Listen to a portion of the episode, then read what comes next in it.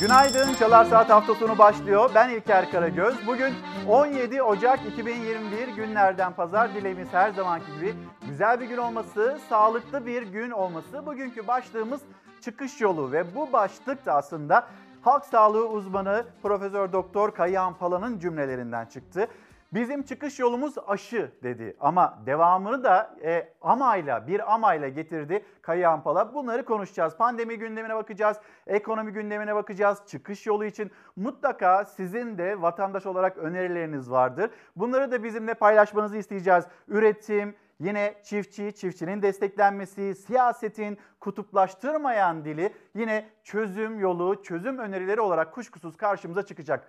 Hepsini konuşacağız. Pek çok haberimiz var. Sizlerden gelen mesajlar da var. Birazdan onlara da bakacağım. Şimdi hemen bir İstanbul'u gösterelim. İstanbul yeni güne karla uyandı ve şu anda karayelle birlikte bir sert esintiyle birlikte e, o kar yağışı İstanbul'un yüksek kesimlerinde devam ediyor. Fox TV'nin penceresinden baktığımızda şöyle bir tarihi yarımadaya ve İstanbul'a sahil kesimlerinde öyle çok kar tutmadı ama yüksek kesimlerde bu karın tuttuğunu söyleyelim İstanbul'da. Ve yine hemen bir Ankara'yı da gösterelim. Başkent Ankara'da yeni güne karla uyandı. Öğleden sonra saat 4 gibi 5 gibi biraz daha yağacak ama sonrasında kar dağılacak. Önümüzdeki günler sert, ayaz ve soğuk geçecek Ankara için ama kar gözlemlenmiyor. Meteorolojiden yapılan uyarılar bu şekilde. Şimdi hemen bir memleket havasını paylaşalım. Çok haber var.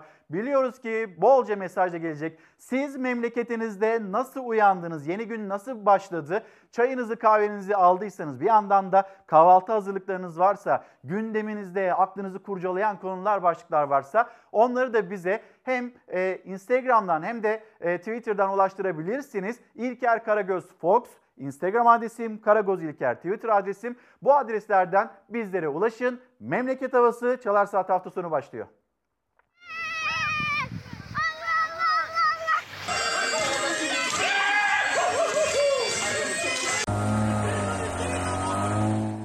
Yanda kazalar, yolda kalan sürücüler, kurtarma çalışmaları. Diğer yanda kısıtlamayı unutup karın keyfini çıkaranlar. Horon oynayan da vardı. Karın gelişini kutlamak için çifte telli oynayan da. Ancak kar yağışına şüphesiz en çok sevinen çocuklar oldu. Beklenen kar geldi bereketiyle. Doğu Anadolu'da birçok ilde zaten etkiliydi kar yağışı. Tunceli'de 144, Erzincan'da 189 köy yolu ulaşıma kapandı. Pülümür'de kar tipiye dönüştü. Bartın Zonguldak karayolunda buzlanan yol kazalara neden oldu. 10 araç birbirine girdi. Sürücüler kar tutan yollarda zor anlar yaşadı.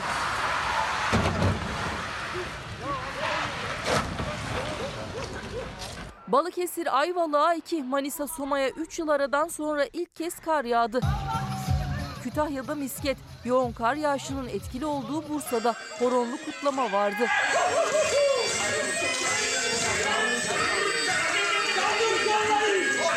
Kar yağışı virüsü de unutturdu. Sokağa çıkan doyasıya eğlendi. Uludağ'a çıkamayan caddede kayak yaptı. Çocukların kayak eğlencesinin olmazsa olmazı yine poşetlerdi. Sakarya'daysa karın tadını çıkaranlar sadece çocuklar değildi.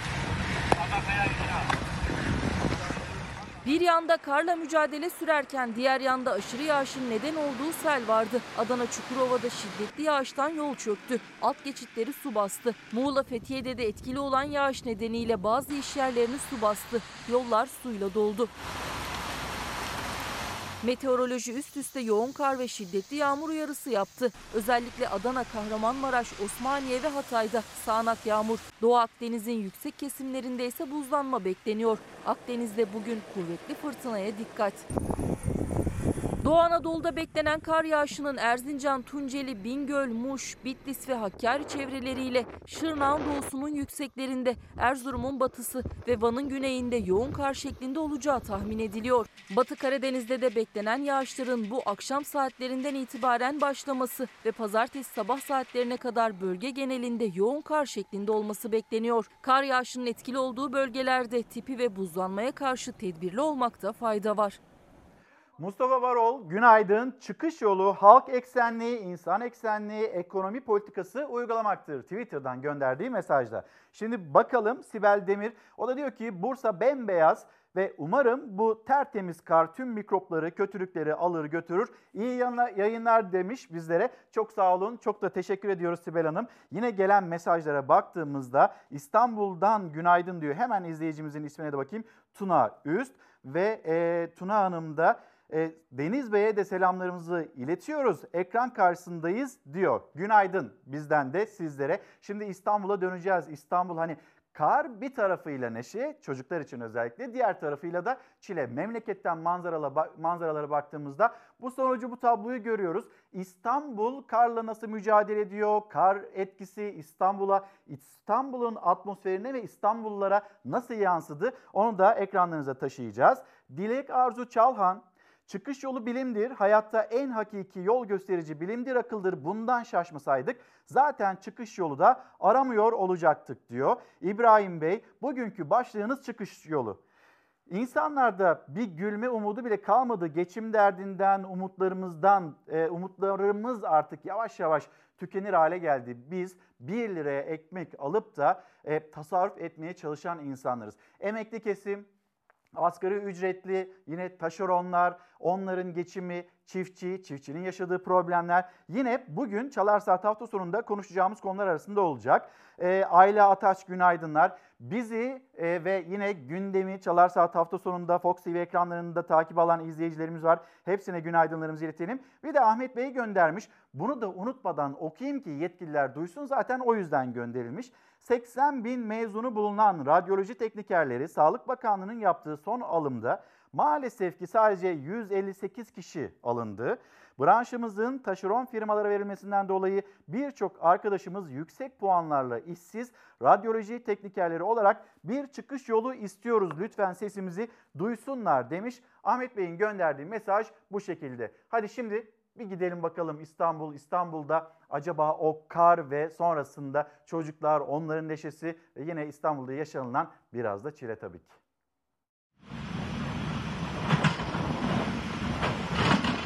Yağdı yağacak derken İstanbul beklenen beyaz örtüyle buluştu. Lapa lapa aralıksız yağan kar mega kentlilere büyük sevinç yaşattı.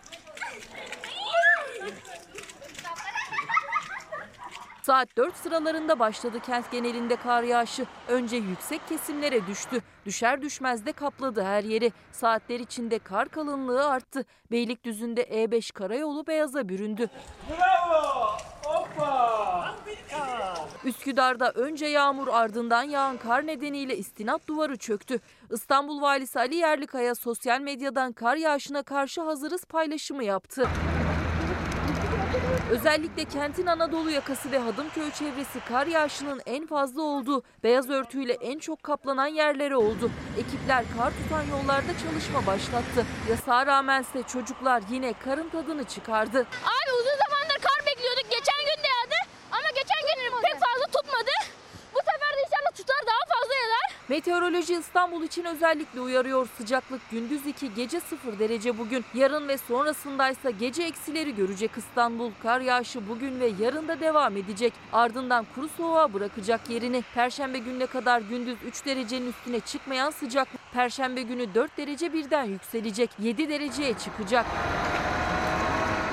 Bugün de yoğun şekilde etkisini sürdürecek kar İstanbul'un kıyılarında 5 ila 10, İç kesimlerde 10-15 yükseklerde ise kar kalınlığının 15-20 santime ulaşacağı tahmin ediliyor. Bizi nereden takip ediyorsanız ve gündeminizde ne varsa çıkış yolu başlığı altında hem Instagram'dan hem Twitter'dan mesajlarınızı ulaştırabilirsiniz.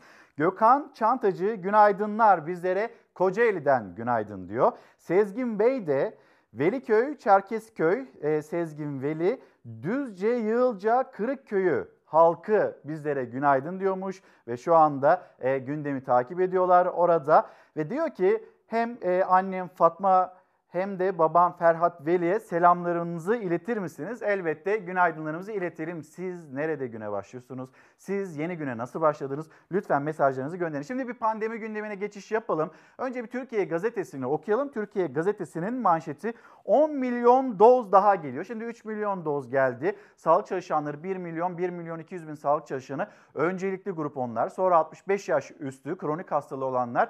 Öncelikli grupta olanlar var ve onların aşılanmasına başlandı. Yaklaşık 700 bin sağlık çalışanının aşılanması e, başladı, tamamlandı.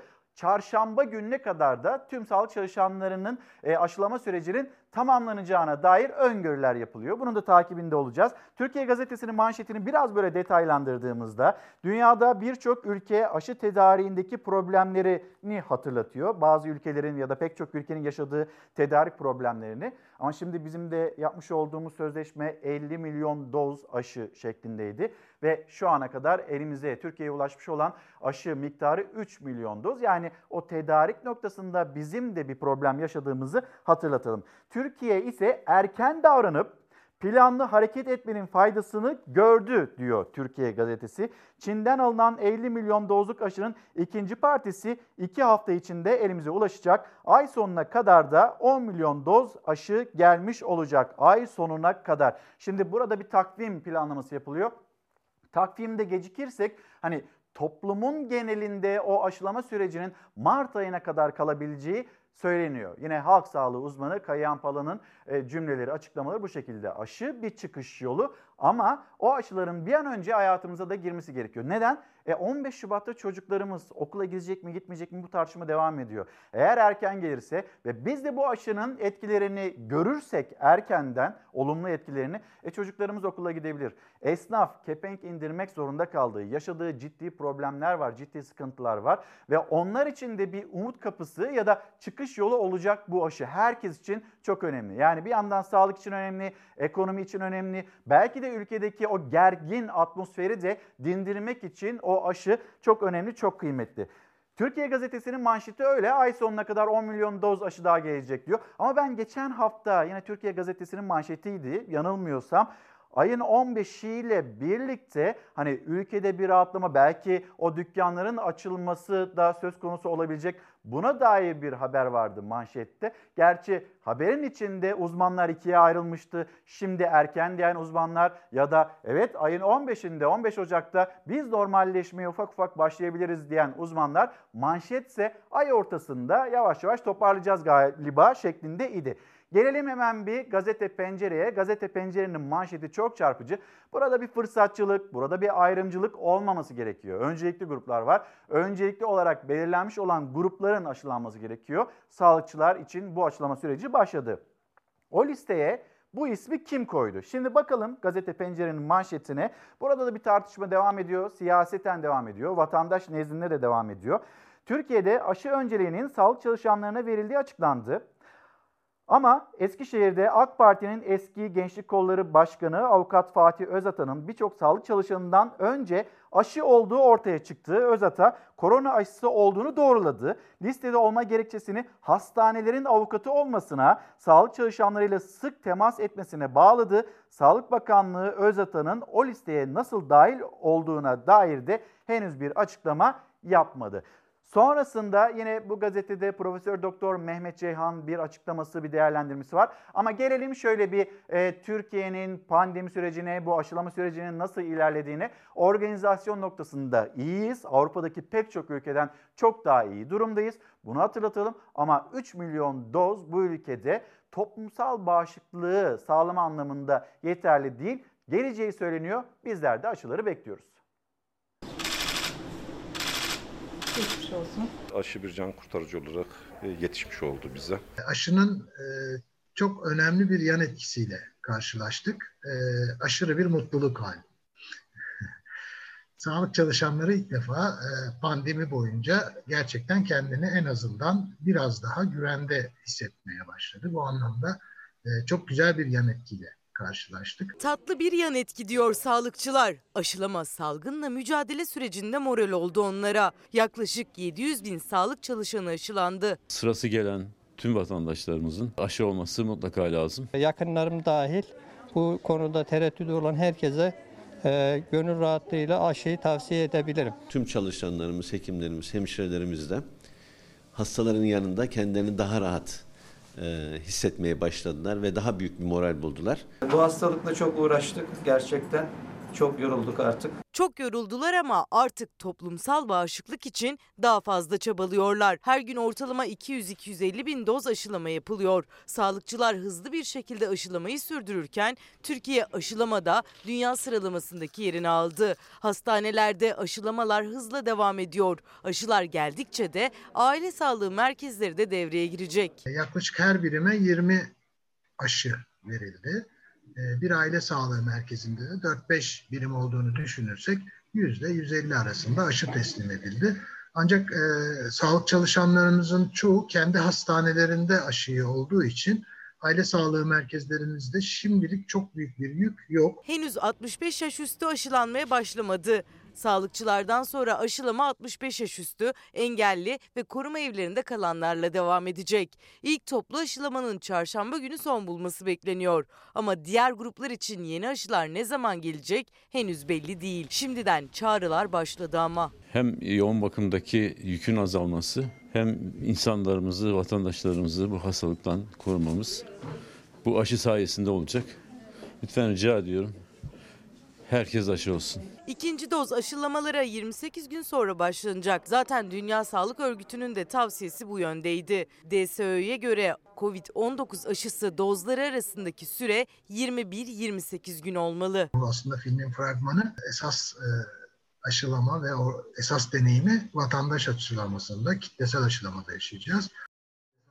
Nihal Hanım günaydın. Nihal Sever. Kar hayırlı olsun. Allah tekrarını sevinmiş yürekle, sağlıkla nasip etsin. Çok güzel dilekler, temenniler paylaşmış bizimle. Ben de okumak istedim. Ve bir de Nuran Benli diyor ki değerli Fox ailemiz, can okurlar, kıymetli yazarlar, mutlu pazarlar. Bir başarı öyküsüyle pazar günümüze mutluluk katmak dileyim. Dünya matematik birincimiz sevgili Yusuf Eymen'imize bir maşallah diyelim sağlıcakla bu mesajı bizlere ulaştırmış. Şimdi Eymen'le ilgili, Yusuf Eymen'le ilgili haberimiz vardı. Pandemi sürecinden biraz bahsediyorduk ya. Hadi o zaman şimdi Nuran Hanım da hatırlatmış. Güzel bir haberle devam edelim. Matematik şampiyonumuzla devam edelim. Öğretmenim bir tane sınav olduğunu söyledi. Sonra babamla biz gittik, katıldık.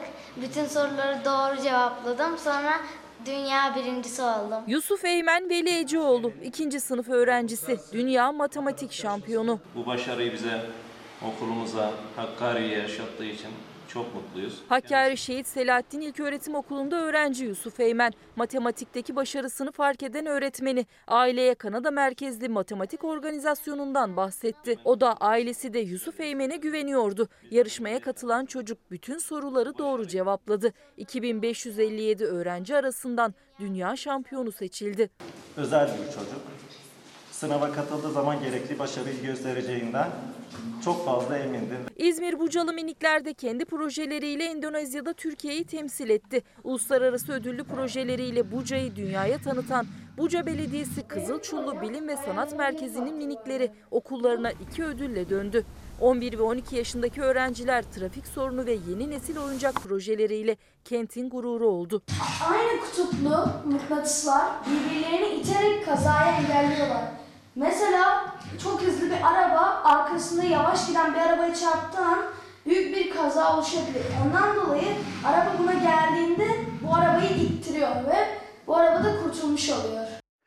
Bülent Bey günaydın diyor ki çıkış yolu için kira desteği ödemeleri ne zaman başlayacak bilginiz var mı? Şimdi bununla ilgili başvurular alınıyor. Şöyle bir baktığımızda yaklaşık 2 milyon esnafımız bu kira desteğinden faydalanmak istiyor. Bununla ilgili haberimiz var ama bu kira desteği ne zaman başlayacak? Bununla ilgili hani bu konuya dair e, Bülent Bey bir takvim ortaya çıkmadı. Eğer çıkarsa bunu da sizlerle paylaşırız. Özgür Bey günaydın. Antalya'ya selamlarımızı iletelim. Özgür Aksu umutsuz durum yoktur. Umutsuz insanlar vardır. Ben hiçbir zaman umudumu yitirmedim. Kimse de yitirmesin. Mesajı bu. Şimdi pandemi süreci, pandemi sürecini geride bırakabilmek için elbette umudumuzu koruyoruz ve bu umudumuzu korurken elimizdeki şu anda hani 3 milyon doz aşı var ama hani bizlere ulaşmadı ya da pek çok kişiye ulaşmadı. Elimizdeki aşı, maske, mesafe, hijyen. Bu kurallarla devam edeceğiz. Aşı geldiğinde de yine aşılanacağız. Diyor ki Profesör Doktor Mehmet Ceyhan, kendisine de günaydınlarımızı iletelim. Aşının etkinliği %50 ise 80 milyonu aşılamanız gerekir. Hacettepe Üniversitesi Tıp Fakültesi öğretim üyesi Profesör Mehmet Ceyhan, etkinliği tartışma konusu olan Sinovac aşısına ilişkin Hürriyet gazetesine konuştu. Başlık için Bağışıklık için toplumun %60'ının aşılanması gerektiğine dikkat çeken Ceyhan, bunun %90-95 etkinlik oranına sahip bir aşıyla mümkün olacağını söyledi. Ceyhan, ancak aşının etkinliği azaldığı ölçüde toplumda aşılamanız gereken kitlenin oranı da yükselir. Aşının etkinliği %50 ise o zaman muhtemelen 80 milyon kişiyi aşılamanız gerekebilir. Hani çocukları, gençleri 20 yaş altını düştüğümüzde 80 milyon nüfusumuz var. 60 milyonun aşılanması gerekiyor. Bu da 100 bin doz aşıdan daha fazlası. Yani Toplamda 120 milyon doz aşıya ihtiyacımız var. Eğer etkinliği hani Brezilya'da %50 seviyelerinde %50'nin biraz üzerinde açıklandı. Türkiye'de ilk açıklandığı %91.25 öyle bir seviye e, denilmişti. Faz 3 çalışmaları hani onu da bir yandan hem takip ediyoruz hem de nasıl bir etkinliği var, nasıl bir yan etkisi var bu çalışmaları da bir yandan görmek istiyoruz. Ama bizim yapmamız gereken eğer hani aşının etkinliği %50'yi biraz aşıyorsa 80 milyonun tamamının aşılanması şeklinde ilk aşamada işte çocukları düştüğümüzde 60 milyon 120 milyon doz aşı. Bunu Çin'den mi alırız, Almanya'dan mı alırız, İngiltere'den mi alırız,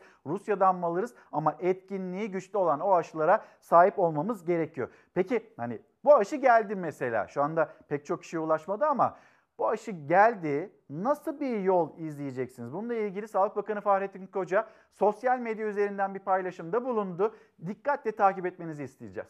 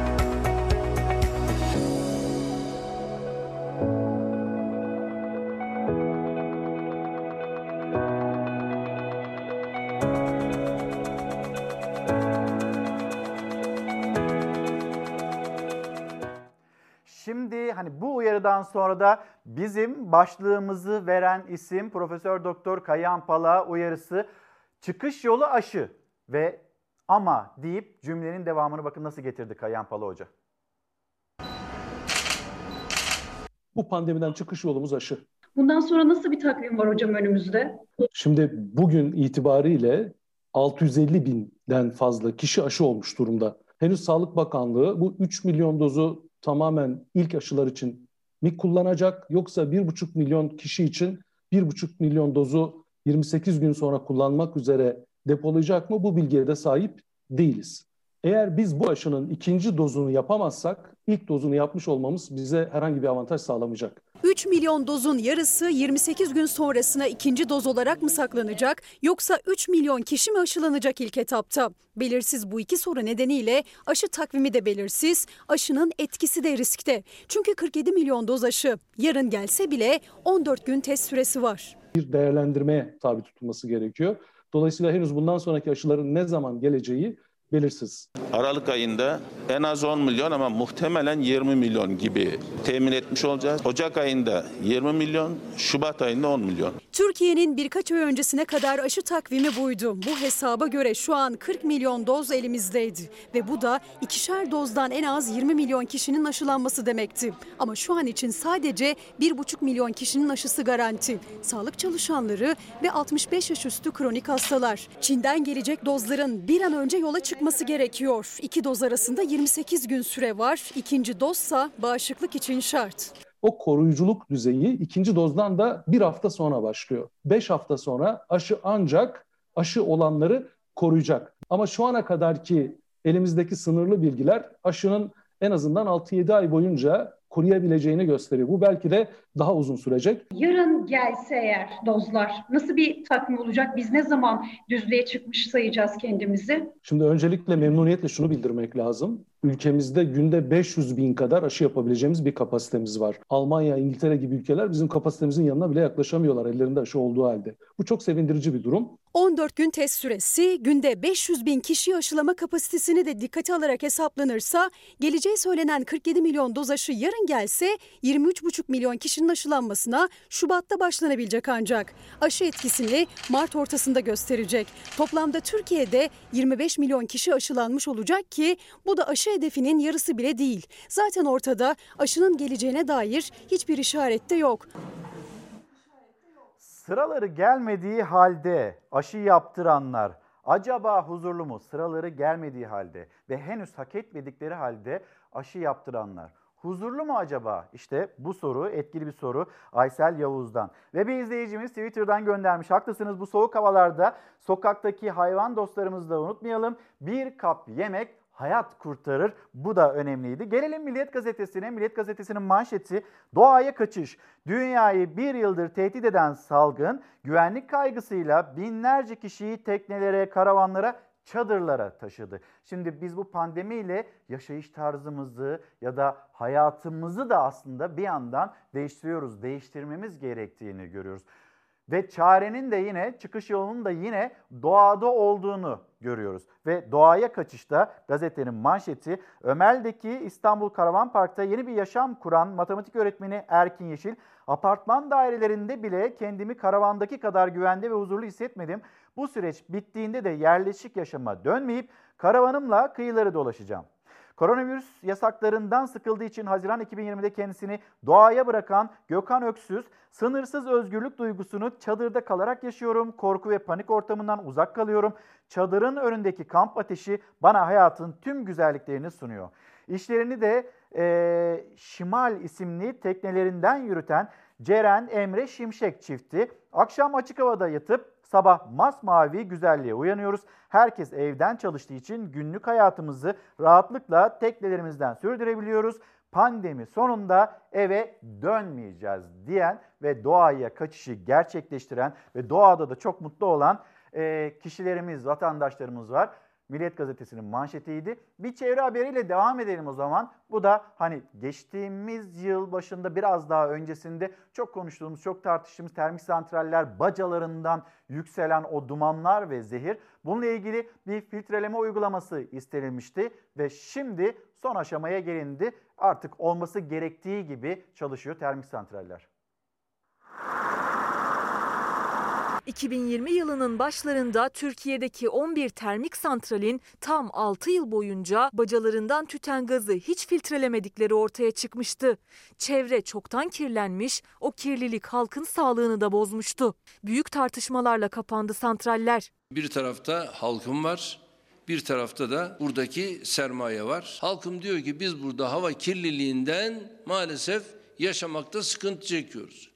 İş bitmiştir. Filtre zorunlu hale getirildi ve termik santrallere filtre takmaları için süre verildi. Bir yıllığına geçici çalışma ruhsatı verilerek tekrar açıldı termik santraller. İyileştirme için 142 milyon liralık yatırım yapıldığını açıklamıştı Çevre Bakanı. Şu anda santralimizde ilk e, ateşleme esnasında doğal gaz kullanmaktayız ve herhangi bir çevre kirliliği e, oluşmamakta. Kahramanmaraş'ta bulunan Afşin Elbistan Termik Santrali yatırım yapılan işletmelerden biri. Takılan filtreler sayesinde baca gazı arıtıldı. Çevreyi kirleten kükürt dioksit salınımı en aza indirildi. Çünkü eğer havadaki kükürt dioksit sınır değerlerin üzerinde olursa insan sağlığı için tehlikeli. İnşallah en yakın zamanda devreye alıp e, santralimizi dünya standartlarının daha e, daha da üzerine çıkarıp çevreci bir santral e, çalıştırıyor olacağız bu bölgede. Filtre takılan bacalardan çıkan dumanın rengi değişti. Bacalarında doğal olarak dumanın azalttığını, kül atmadığını görüyoruz. Daha temiz hava hissediyoruz. Elektrik enerjisi üreten en büyük kaynağımız kömürdür. Türk ekonomisine büyük bir katkı sağlamaktadır. Sözcü gazetesi yazarı Deniz Zeyrek. Deniz abi şu anda yanımızda. Abi günaydın, Günaydın. hoş geldin. Bugün Hoş başlığımız çıkış yolu. Şimdi Milliyet Gazetesi'nin manşeti de hani iyi geldi. İnsanların doğaya dönmesi, işte orada yaşamayı tercih etmesi. Bir yandan bakıyoruz böyle 2021 yılının bütçesine yine e, o bütçede betona yatırım. Hani o Evet. ulaştırma, altyapı vesaire buraya daha fazla bir yatırım yapılırken işte yaşıyoruz pandemi ve bu pandemide insanların yeni yeni bir hayat formülü bulmaya çalışması. Var mı sende de böyle bir doğaya kaçış, böyle bir özlem? Hepimiz mandıra filozofu olduk. o filmi izlemiş miydin? İzledim. Ne diyor? Niye çalışıyorsun kardeşim diyor. Emekli olmak için çalışıyorsun. Emekli olunca ne yapacaksın? Bir yıl hesabı var ki orada Evet. e, filmde. Küçük bir e, köye yerleşip işte Ege'de sahil kasabasına yerleşirsen bir de küçük tekne almayı hayal ediyorsun. Ben diyor bunu zaten şu anda yaşıyorum. Niye gideyim 30 sene çalışayım? Şimdi ben, ben de dün tesadüf işte arkadaşlarla sohbet ederken Instagram'da bir yayın yaptık. Dedim ki e, ya gerçekten sonunda Kars'a dö- dönüp işte bir köy evi yapıp önünde e, işte bostan, işte hayvancılık vesaire hani çiftçi doğaya toprağa kadar. döneceksem eğer niye ben geldim üniversite okudum, niye bu kadar çalıştım, niye onu en baştan Teknolojik tarım yaparsın belki. en baştan da yapabilirdim. Sencer Solak, Solakoğlu'nun yaptığı Tamam gibi. en baştan da yaparsın onun için. Ne demişti ama dede sana? İşte en akılları sendin dedi. Keşke seni okutmasaydım. Ben de anlamadım. Ne diyorsun dede dedim. Şimdi onu sen söylediğinde kardeşlerinden nasıl bir geri dönüş oldu? E, Demiş sen ne diyorsun diye. Hoş- Şimdi gerçekten bu pandemi bize bunu gösterdi. Bakıyorum herkes doğal ürünlerin peşinde. Çünkü yani şöyle bir şey düşün. do- doğurganlık azaldı. Yani e, bir, ya şöyle bir şey mesela benim e, babaannem 9 çocuk doğurmuş. İşte biz 5 kardeştik. Şimdi biz bir, bir çocuğumuz var. Yani geometrik olarak nüfusumuz da azalıyor. Doğum oranı da azalıyor. E, bunun hepsi bu doğadan kopmamıza bağlı. Şehir, kentleşme, onun harala gürelisi içinde, koşuşturması içinde vesaire. E, maalesef hep ambalajlı şeylere e, mahkum kaldık. Ambalajlı bir yaşam sürüyoruz. Hepimizin işte yüzünde maskeler. Ama köylünün de şehirlere göçmesinin bir gerekçesi var, bir Tabii, nedeni var. tabii. Ve hani yine Ali Ekber abinin kitabı, Ali Ekber Yıldırım'ın kitabında Üretme Tüket'te e, artık köylerde bebek sesi duyulmuyor. Şimdi yeni köylüler, eski köylüler diye ayrı ayrı bir e, tanım da gerçekleşiyor. okul Şehirden gelip köylü olanlar. musun? Okul, okullar kapanıyor. Evet. Yani mesela birçok köye gittim ben bu yaz. Okul var mı diye soruyorum. Vardı kapandı. Niye kapandı? Çünkü öğrenci yok. Beş tane çocuk var. Onları da şu yakın köydeki büyük okula götürüyorlar. Dün Selçuk Hoca ne dedi mesela? Ya bütün okulları kapatmanıza gerek yoktu. Köy okullarımız vardı. Açın onları çocuklar Tabii. orada eğitimlerini alsınlar dedi. Tabii. Yani bir de okuma da kentli nüfusa katılmak için bir basamak haline dönüştürüldü. Halbuki yerinde şimdi gidiyorsun Almanya'ya herhangi bir köyde insanlar büyük şehirdeki gibi Berlin'deki gibi yaşıyor. Yani büyük şehirdeki her imkan istihdam da dahil. Yani para kazanma, o çarkın dönmesi köyde de varsa zaten köylü durduğu yerde kalıyor. Niye şehre gitsin ki?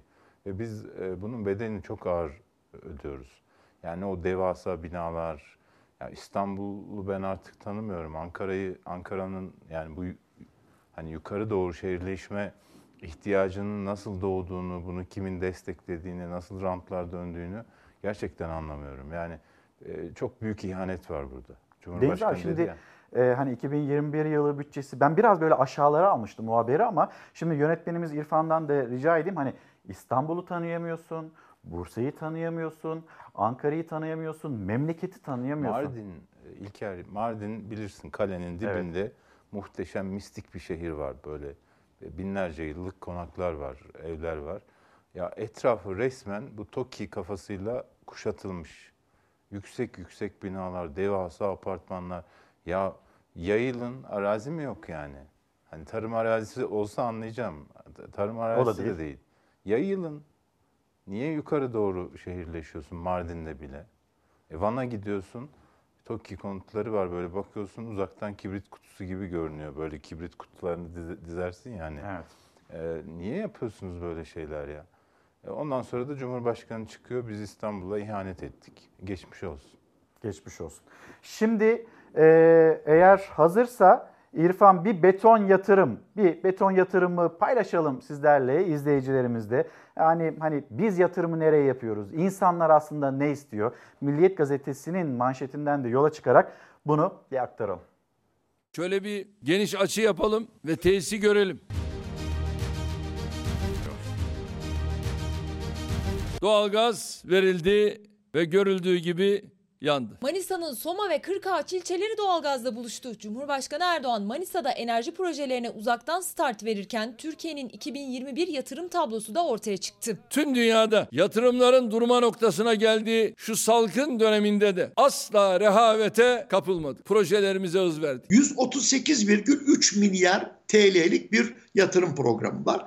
Bunun yaklaşık %30,7'si ulaştırma ve haberleşme sektörüne. Eğitim %14,3, sağlık 7,5. Betona dayalı sermaye birikim modeli sürüyor. Salgın bile bu tercihleri değiştirmedi. 2021 yılı kamu yatırımları resmi gazetede yayımlandı. 42 milyar 474 milyon lira ulaştırma ve haberleşme yatırımlarına ayrıldı. Aşı tartışmalarının sürdüğü, yerli aşı projelerinin devam ettiği bir dönemde sağlık yatırımlarına 10 milyar 381 milyon, uzaktan eğitime ulaşamayan öğrencilerin problemleri devam ederken eğitim yatırımlarına 19 milyar 827 milyon lira ayrıldı. Tarım yatırımlarına ise 11 milyar 983 milyon. Betondan sermaye birikimine öncelik verilince yatırımlara da şaşmamak lazım. Hizmette tasarruf olmayacağının altını özellikle çizmek istiyorum. Dünyanın her ülkesinde ek bütçeler hazırlanıyor ve eğitim ve sağlık öne geçiyor. Türkiye beton üzerinden müteahhitlere kaynak transferiyle bir kalkınma stratejisi izledi. İktidar neden inşaatı kutsadı? En büyük rant buradan. Önümüze çıkan engellere aldırmadan hamdolsun tam 18 yıldır kararlılıkla yürüyoruz. Takoz muhalefetle de mücadele ettik. Mikrofon şu anda kimde? Zekeriya Bey başkanım EPDK ikinci başkanı. Ney? E sen milletvekilimize ver ya. Milletvekilimize mikrofonu verirsen daha isabetli olur. Bize ver ya. 2021 yılında merkezi yönetim bütçesindeki kuruluşlardan en fazla yatırım ödeneği 15,1 milyar lirayla Ulaştırma ve Altyapı Bakanlığı, 13,5 milyar lirayla DSİ, 13,1 milyar lirayla Karayolları Genel Müdürlüğü'ne ayrıldı. Bir başka veri Maliye Bakanlığı Muhasebet Genel Müdürlüğü rakamlarına göre de devlet 2020 yılında 50 milyar lirayı müteahhitlik giderlerine harcadı. Deli Dumrul hesabı. Geçmiyoruz, geçmediğimiz köprünün parasını veriyoruz. Ben Vatandaşın Vergisini Koruma Derneği yönetim kurulu üyesiyim. Yatırım programına giden her kuruşun hesabını sormak durumundayım. Bu arada e, EPDK'dan 65 yaş üstü tüketiciler, engelli tüketiciler ve şehit aileleriyle e, muharip malul gazilerin elektriklerinin borçlarından dolayı 3 ay kesilmemesiyle ilgili hani aralığın 21'inde almış oldukları ve kamuoyuna e, açıklamış oldukları o kararın da resmi gazetede yayımlanmasını bekliyoruz. Hani Sayın EPDK ikinci başkanı oradaymış, Cumhurbaşkanı'nın katıldığı programdaymış. İşte Onu da bir yandan hatırlatmış olayım. İlker o fotoğraf Türkiye'nin fotoğrafı biliyor musun? Yani Cumhurbaşkanı doğru bir uyarı yaptı orada. Sen milletvekiline ver bakayım diye. Şu anda Türkiye'de bürokratlar milletvekillerinden daha iddialı, daha böyle ön saflarda yer alıyor. Hep AK Parti iktidarı şey dedi ya bü- bürokratik oligarşiyle mücadele ede ede geldik. Şu anda bürokrasi seçilmişlerin çok çok önünde. Seçilmişler bürokratlara ulaşamıyor. Seçilmişler bürokratlara iş yaptıramıyor. Yani orada EPDK ikinci başkanının mikrofonu elinde tutması, milletvekilinin yanında durması tesadüfi bir fotoğraf değil. Yeni sistemin ortaya çıkardığı fotoğraf. Yani ben de şahsen çıkış yolu olarak parlamenter, güçlendirilmiş parlamenter demokrasiyi görüyorum. Deniz abi devam edeceğiz. Efendim devam edeceğiz. Şimdi bir mola verelim. Biraz böyle siyaset konuşacağız ama bolca Deniz abi ekonomiyi konuşalım. Çünkü hani çıkış yolu dediğimizde izleyicilerimizden bolca gelen mesaj hani ekonomiye dair. Her yere işte HES koduyla gidebiliyorsunuz, uçağa binebiliyorsunuz, işte ne bileyim AVM'lere gidebiliyorsunuz. E o zaman HES koduyla bizim dükkanlarımızı da açsınlar, restoranları da açsınlar diyen ve bu uyarıyı yapan ve şu anda o kira yardımını alabilmek için bekleyen yaklaşık 2 milyon esnafımız var. Bu takvimi de merak ediyorlar. Biraz siyaset diyeceğiz. Biraz da böyle e, daha çok da aslında ekonomi diyeceğiz. Mola verelim, dönüşte buluşalım. Bir kez daha günaydın. Çalar Saat hafta sonu devam ediyor. Biraz siyasetin gündemine, siyasetin konuştuğu konulara bakacağız. Sonra da bir ekonomiye dönmek istiyoruz Deniz Zeyrek'le birlikte. Deniz abi Karar Gazetesi, Karar Gazetesi'nin manşeti saldırı emrini kim verdi? Gelecek Partisi Genel Başkan Yardımcısı Selçuk Özdağ, eski Ülke Ocakları Başkanı, televizyon programcısı Afşin Hatipoğlu ve gazeteci Orhan Uğuroğlu önceki gün saldırıya uğradı. Araçlarına binerken arkalarından gelen kişiler tarafından darp edilen 3 isimden sadece Uğuroğlu'na saldıranlar yakalanabildi. Gözaltına yani ne olmuştur peki bu saldıranlar sence Deniz abi? Dün söyledim Dün ya, ne demiştin? karakolun bir tarafından girip öbür tarafından çıkıyor. Öyle oldu. 4 kişi adli kontrol e, serbest kaldılar. Mü- Müesser Yıldız, Müesser abla iki yazı nedeniyle 5-6 ay hapiste kalıyor. Bunlar bayağı darp ediyor, şiddet uyguluyor, öldüresiye dövüyor. Adli kontrolle ise işte adalet duygusu bu nedenle zedeleniyor. Yani ben buradan hakikaten Adalet Bakanı'na da sesleniyorum. Hakimler Savcılar Kurulu'nun yöneticilerine de sesleniyorum. Vicdanen rahatsız olmuyorlar mı bu durumdan? E hukukumuz böyle, kanunumuz böyle. O zaman değiştirin kardeşim ya. Bir gazeteci yazdığı iki yazıdan dolayı hiçbir suç içermeyen iki yazıdan dolayı 5-6 ay tek kişilik hücrede tutuluyor da Selçuk Özdağ'ı o hale getiren insanlar ya da Orhan Uğuroğlu'nu o hale getiren insanlar ellerini kollarını sallayarak dolaşıyorsa bu ülkede ne reform yapabilirsiniz, ne adalet sağlayabilirsiniz, vicdansız algısı oluşur. Vicdanınız varsa bu işi gözden geçirin. Deniz abi haberimiz hazır. Sizlerle izleyicilerimizle de paylaşmış olalım. Hani nasıl girdiler, nasıl yakalandılar, nasıl serbest kaldılar. Bunun detaylarını bir aktaralım devam edelim. Bana arkadan saldırdılar. Arabaya biniyordum. Ellerimde silahlar vardı. 17 dikiş atıldı. Ciddi şekilde travmatik etki devam ediyor. Vücudunda kırıklar var.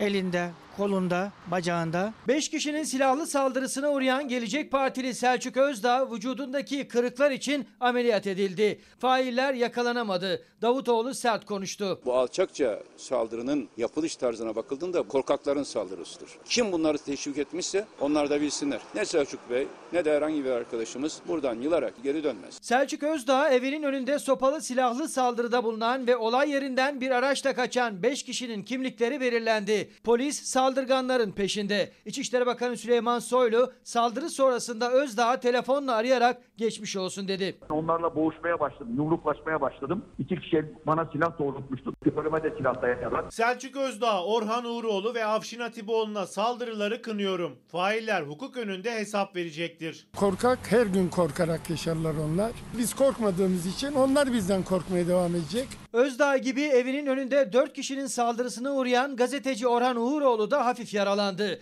Dirseğine 3 dikiş atıldı. Bizim birinci derecede muhatabımız Sayın Cumhurbaşkanı'dır. Türkiye yönetenlerin bir açıklama yapmamış olması utanç verici bir tablodur. Hadi Bahçeli'den geçtik. Zaten bunları şımartan kendisi. Alaaddin Çakıcı'ya metiyeler düzen kendisi. Cumhurbaşkanının 3 dönem milletvekili yapmış bir siyasetçiye yapılan alçak saldırıya karşı ses çıkarması, refleks vermesi, kınaması gerekmez mi? Devlet haklı olan bu saldırıları yapanları, azmettirenleri an geçmeden gözaltına alır ve gereğini yapar.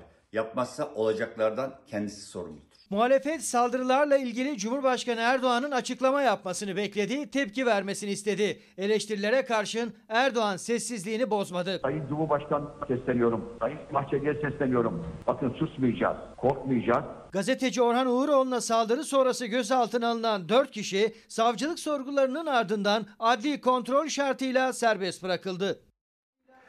Çıkış yolu bu saldırıları, bu saldırganları asla ama asla korumamak ya da savunmamak. Yani aynı düşünce içinde olmayabilir insanlar. Bu zaten mümkün de değil. Ama insanların birbirleriyle konuşuyor olabilmesi, en azından ortak bir çıkış yoluna ilerleyebilmeleri diyalog sayesinde olacak. Deniz abi bu konuya dair birkaç cümlen daha varsa alayım ve hızlı bir şekilde ilerlemek istiyorum çok- o ekonomi çok başlığı Artık için. söylenecek bir şey kalmadı. Maalesef ya bu- Bundan sonra e, ben yetkililerin vicdanına bırakıyorum. Yani başlarını yastığa koyup uy- uyumaya çalıştıklarında bunu mesele etmiyorlarsa zaten e, hani artık o vicdana hiçbir şey etki etmez. E, keçeleşmiştir yani. Be- Ben ben vatandaş olarak rahatsız oluyorum. Çünkü şöyle bir endişem var. Bugün bunu yapanlar bunun karşılığında bir şey görmezse, cezasızlık kültürü yaygınlaşırsa yarın da başkalarına yaparlar. Ve bu bu gerilim, bu tansiyon, bu şey şiddet ortamı bu memleketi esir alır. Yani yine çıkış yolu Büyümeden- siyasetin bu kutuplaştıran dilinden de uzaklaşabilmek. Dilden de uzaklaşacaksın, gereğini de yapacaksın yani.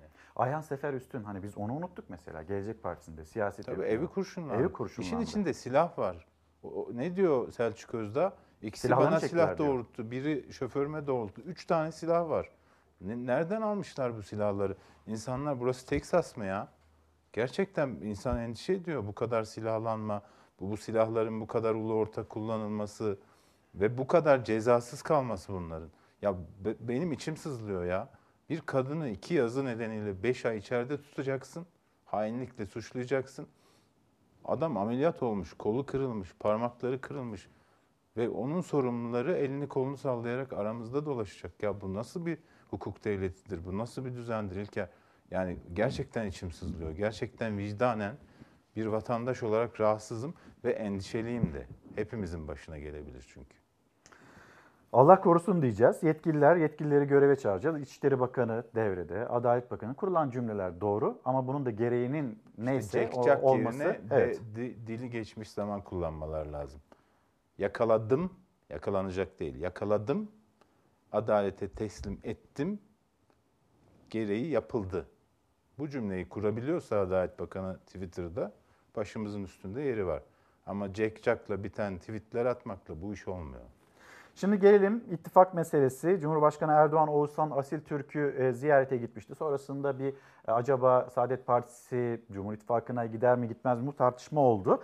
Cumhur İttifakı dar bir alana mı sıkıştı? Neden böyle bir ittifak cümlesi kuruluyor? Onu soracağım Deniz abi ama bu konuyla ilgili bir haberimiz var. Paylaşalım öyle devam edelim. Dimyat'a pirince giderken evdeki bulgurdan olacak. Cumhur İttifakı'nı büyüteyim derken ortada tek başına kalacak. Cumhur İttifakı gerçekten zor durumda. Bu millet zira Cumhur İttifakı'ndan elini ayağını yıkamış. Cumhur İttifakı'nın niteliğine baktığınızda milletin oluşturduğu bir e, mutabakattır. İttifaklar arası söz düellosu tırmandı. Millet İttifakı'na göre Cumhur İttifakı zorda. Cumhurbaşkanı Erdoğan'ın Saadet Partili Oğuzhan Asil Türk başta olmak üzere yaptığı ziyaretler bunun işareti. Benim bu ziyaretim hem bir nezaket ziyareti hem de yani bir seçim ittifakı mı olur? Bunları bir seçim ittifakı ve siyasi ittifak olarak değil, Türkiye'nin sorunlarının çözümünde mutabakatı genişletme çabaları olarak görmek daha doğru olur. Erdoğan'ın seçim ittifakı ziyareti sözlerini Genel Başkan Yardımcısı Mahir Ünal hayır öyle değil diyerek açıkladı. Zaten Saadet Partisi'nden de kapı açılacak gibi görünmüyor. Gazete Duvara konuşan Saadet Partisi sözcüsü Birol Aydın iktidarı raydan çıkmış trene benzetti. Ekonomide, dış politikada, adalette fevkalade yıkılmışlık, kuraklık yaşıyoruz. Bu ortamın yaratıcısı anlayışa güç vermek millete haksızlık. Raydan çıkmış treni hızlandırmak sadece felaketi artırır. O trene binmeyiz. Saadet Partisi iktidar trenini reddetti ama AK Parti'den Saadet Partisi ve İyi Parti'ye sıcak mesajlar devam etti. İyi Parti ve Saadet geleneğinde millet iradesine e, hakaret olmaz. Cumhurbaşkanına dönük gayrimeşruluk tartışması olmaz ve yapılmaz. Mahir Ünal eksik şeyler söylemiş. Bizi tarif ederken bizim demokrasiye sıkı sıkıya bağlılığımızdan bahsetmemiş. Millete kanını vampir gibi emip kendisine servet yapan o beş müteahhidin bizim adamlarımız olmadığından bahsetmemiş. İyi Parti ve Saadet Partisi, CHP ve HDP'nin zihinsel e, siyasi kodlarından daha farklı noktada duruyorlar. Millet İttifakı'na toplumun gösterdiği güven Erdoğan'ı çok rahatsız etmiş. Rahatsız olmaya hakkı yok. 18 yıldır 83 milyonu hayatı zehir etti. Erdoğan DSP ile başlayıp Saadet Partili Oğuzhan Asil Türkiye uzanan görüşmeler yaptı. Bahçeli Erdoğan'ın Cumhur İttifakı'nı genişletme görüşmelerine desteğim tam dedi. AK Parti'den Saadet ve İyi Parti'ye ılımlı mesajlar arttı ama Millet İttifakı'na göre Cumhur İttifakı'nda da sıkıntı var. Yeni arayışlara giriyor. Tabii bu arada küçük ortayla sorunlar yaşadığı da muhakkak. Kendilerine en galis küfürleri ettiği halde şu anda yanlarında bulunanlara dikkat etsinler. Sence nedir abi bu arayış ya da neden böyle bir arayış var? %50 artı 1. Bu kadar basit. Yani %50'nin altına düştüğün zaman üstüne çıkmaya çalışırsın. Onun için de yeni müttefikler ararsın. Şu anda yani bütün anketlerde Cumhur İttifakı %50'nin altında. Cumhurbaşkanının kendi seçimini de Cumhurbaşkanlığı seç, seçimini de garanti etmesi lazım. Yani kendisi de %50'nin altına düşme riskiyle karşı karşıya güçlü bir aday çıkarsa. E, dolayısıyla bunu e, bu, bu tür ziyaretleri yapmak zorunda. Saadet Partisi yön değiştirir mi? Gelen Yok sinyaller öyle değil. değiştirmez. Yani hem Birol Aydın hem e, Kamalak çok net açıklamalar yaptı. Bir de yani şunu düşün. iktidarın en güçlü olduğu dönemde, iktidarın nimetlerinden e, çok fazla faydalanabilecek dönemde e, Birol Aydın'ın ifadesiyle söylüyorum. O trene binmeyenler e, şimdi biner mi yani? Tablo aslında burada net gözüküyor. Evet. Gelelim abi e, ekonomi başlığına. Yeni Çağ Gazetesi'ni bir rica edeyim ben yönetmenimiz İrfan Tomakin'den. Yeni Çağ Gazetesi'nin manşetiyim. Siyaset hani bunları konuşuyor. Hani gazeteciler, siyasetçilere saldırılar bunları konuşmak durumundayız. Hepimizin de hani konuşması gerekiyor ki Uyarma, olmasın yetkilileri diye. uyarmak zorundayız. Evet, İlker. yetkilileri uyarma adına, kamu görevi adına, Evet. burada yaşanılan endişeyi, tedirginliği de iletmemiz gerekiyor. Bunu konuştuk. Ama vatandaş öncelikle neye bakıyor? Ekonomiye bakıyor. Tabii. İşte Yeni Çağ Gazetesi'nin manşeti. Eyvah ekmeğe yeni zam kapıda. Kötü haber Rusya'dan geldi. Buğday ihracat vergisine yapılan %100 zam ekmeğimize yansıyacak. Türkiye'nin bağımlı olduğu en büyük buğday ithalat pazarı Rusya'nın vergiye arttırması iç piyasada ekmek fiyatlarına zam sinyali verdi. Şimdi hani Rusya bunu yapmasa bile fırıncılar da zorda. Yani girdiler o kadar yüksek ki. Tabii, tabii. Fırıncılar ben bunu yapmak zorundayım, zam yapmak zorundayım, fedakarlık istediler. Ben bu yılın başına kadar yaptım. Bundan sonra benden fedakarlık beklemeyin. Hani onların çağrıları da bu şekilde. Hani Rusya zam yapmasa bile bizim çiftçimiz, fırıncımız onlar da bu sıkıntıyı yaşıyor. E tüketiciler onlar ucuz ekmeğe Tabii tabii. ulaşmaya işte halk çalışıyor. ekmek sıralarını Evet. görmüyor musun? Ben sadece İstanbul'da var zannediyordum. Geçen gün Batıkent'te e, halk ekmek şeyi var. Onun önünde de aynı Büfenin benzer önünde. bir e, sırayı gördüm. 2 lira vereceğine 1 lira veriyor. Yani 4 ekmek aldığın zaman 4 lira kârdasın. 10 günde 40 lira, 30 günde 120 lira. Yani en azından elektrik faturanı ödersin. Vatandaş artık ince hesaplar yapıyor geçinebilmek için. İnsanlar elektrik faturalarını ödeyemediğini söylüyor Deniz abi. Tabii, bir sürü tabii. mesaj geliyor. Sana da bir sürü mesaj Şöyle geliyor. belediyenin şeyinden ben yapıyorum zaman zaman. Yani orada askıda fatura şeyleri oluyor ya. Evet. Yani bakıyorsun 40 liralık fatura büyük ihtimalle öğrencidir çocuklar ödeyememiş. Yani orada duruyor mesela. Ve bu e, belediyelerin e, Ankara Büyükşehir'in, İstanbul'un bu yöntemi gerçekten e, müthiş bir şey oldu. Çünkü ne veren alanı görüyor, ne alan vereni biliyor. Belediyelerde arada hani topladıkları yardımlara el koyuyorlar ya. Evet. Öyle bir sorundan kurtuluyor. Ama bu dayanışmanın en çok e, hani değer kazandığı bir dönemdeyiz. Yani İnsanların şükrettikleri de değişti Deniz abi. Dün e, Çalar Saat'te hafta sonunda paylaştık. Mesela ana haberimizde de vardı. Şimdi insanlar bir yandan sağlığına şükrediyor. tabii. Bir yandan işleri olduğuna şükrediyor. Etrafına bakıyor, hayat pahalılığı yine de geçinebiliyorum diye şükrediyor. İyi ki doğalgazım yok diyen, hani bir doğalgaz faturasından kurtulduk en azından diyen ve buna şükreden insanlar da var. Yani iyi kilerimiz de değişti. Tabii tabii. İlker, e, Ankara şehirler arası otobüs terminaline git. Taşra'dan gelen otobüsleri yanında dur, bak. Çuvallar geliyor. İnsanlar patates gönderiyor, işte et gönderiyor ya da yerel ürünler gönderiyor. Şehirlerle köyler arasında böyle bir dayanışma var. Yani bu sosyal dayanışma, insanların, ailelerin dayanışması bir, bir biraz hani dünkü başlıktaki gibi nefes oluyor. Evet. Yani bu, bu kadar e, memlekette böyle sorunlar var. Ben anlamıyorum hala Türk ekonomisi uçuyor, en büyük biz büyüdük falan e, ya da Aşırı işsiz- yoksulluğu işsizlik hallettik. 2021 düştü. şahlanışılı. Ya 2 milyon kişi şu anda işsiz e, yemek iç- yeme içme sektöründen. Müzisyenler işte bugün Sözcü'nün manşeti. Kendine işsiz saydıramıyorsun ki işsizlik artsın. Yani e, Tabii, hani tabii. 4 hafta içinde Yani Meral, insanlar Meral umudunu Akşener, kesmiş, iş Meral. Akşener'le konuşan hanımefendi. Eşim müzisyen, e, aylardır işsiziz diyor. Yani hiç bunları düşünen yok. Ama biz büyüdük, bizim işsizlik düştü. E, ya şey büyüyor, farkında mısın? İş arama, e, aramaktan vazgeçen, umudunu İnsanların. kesen insanların sayısı, Sayısı. bu ay neredeyse 1.5 milyon. E, iş, Mardin'deydim ben yüzde otuz işsizlik. Genç işsizlik yüzde elli. Olur mu? Geçen e, bir önceki dönemde aynı çıktı. 12.7 TÜİK'e bakarsan öyle. Şimdi bülten sorumlumuz e, Özgür Turaloğlu Seyhan da hatırlatıyor. Hani bu bu hayat pahalılığını konuşurken Sözcü gazetesi Sözcü gazetesinde Meral Akşener'in bir vatandaşla bir kadınla karşılaşması Evet, ve evet. e, sonrasında kurmuş İşte olduğu cümleler var. Hanımefendinin eşi müzisyenmiş. Evet. Ve aylardır işsizmiş mesela o oradaki. Kendi işlerinde bir dayanışma, bir seferberlikle halletmeye çalışıyorlar ama Bakanı, olmuyor. Kültür yani Bakanı, yetmiyor. Kültür Turizm Bakanı geçen açıkladı. Yani 30 milyona yakın şey yapmışlar. e, oturmuşlar. E, belir hatta tartışıldı işte müzisyen olduğunu video çekerek kanıtlasın, göndersin vesaire falan ama e, bin lira veriyorsun. Adam 10 aydır işsiz. 10 aydır fatura ödeyemiyor. Bin lirayla ne yapsın? Ya bir sistematiği olmalı bu işin. Ya bir de mesela ya ben şunu hala anlamıyorum. Ee, işte ben uçağa bindim daha dün. Evet. Yanında oturan şurada kafası, şurada. Başını çevirdim mi merhaba. Tabii. Değil mi? Tabii tabii. Yani 25-30 santim. Koridorda çıkıyorsun sosyal mesafeye dikkat et. Nasıl edeceksin? Adam üstünde. Önündeki de tam burada. Nasıl edeceksin yani? E, E şimdi bu- kabin bagajını almaya çalıştığında Ha, nasıl? Burada burada olmuyorsun. Yani restoranda işte masaların kurallara uyarsın, aralarını açarsın. Ee, işte havalandırma sistemine hani hijyenik bir, bir takım önlemler alırsın.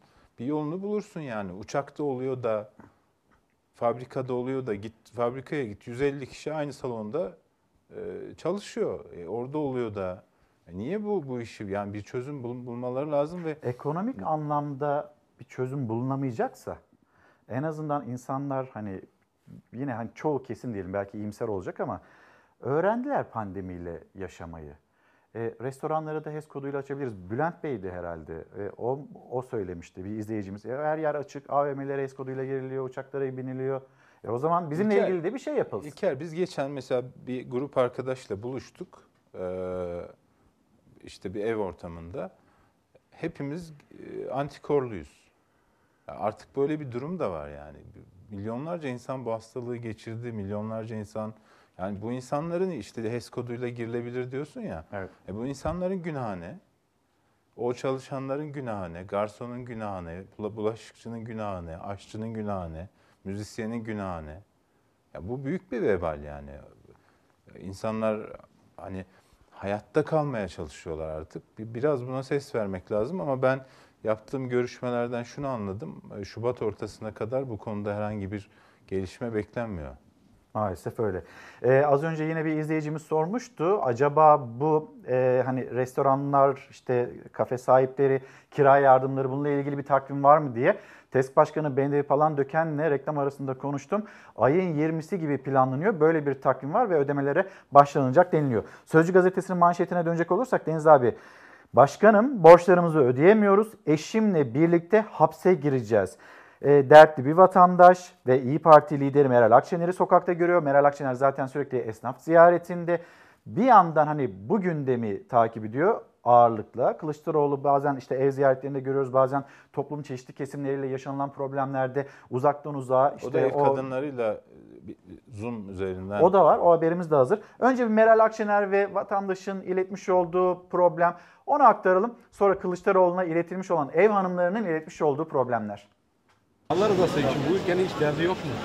Yoksulluğu yok mu? Açlığı yok mu? Biz halk ekmek büfesinden ekmeği borç alıyoruz. Sineye çekiyoruz. Eyvallah diyoruz. Ülkenin kaderi bu. Benim eşim müzisyen. Pandemi oldu olalı eşim çalışıyor. Borçlar, harçlar hiçbir şeyi ödeyemeyecek hale geldi. Kiralarım dolu, faturalarım dolu. Her yerden icralık olduk. Yani ya eşimle birlikte şu dönemde cezaevine gireceğiz ya da artık yani çaresiziz. Yemin ediyorum size pandemi döneminden beri biz hiçbir şekilde yardım alamadık. Ne evim var, ne bir mal varlığım var, ne bir yatırımım var. Kiracı bir insanım. Kiralarımı veremiyorum. Ev sahibim evden atacak. Yasal işlem başlatmak üzere.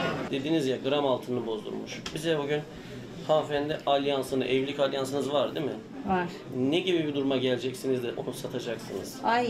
Ve kadın geliyor, bozduruyor bir haftalık çarşı pazar ihtiyacını görüyor. E şimdi biz karınca karınca Teyzelere ge- şimdi 3 liraysa 3,5 liraya almaya çalışıyoruz ama şimdi daha bu enteresan. ahalinin durumunu düşünün. Ülkenin ekonomisi bu. En iyi siz büyüklerimiz görüyorsunuz, biliyorsunuz. Güzel yani, Aslında siz bütün gerçekleri herkes biliyor. Burada kaç kişiysek bir insan, vicdan sahibi herkes biliyor bunu.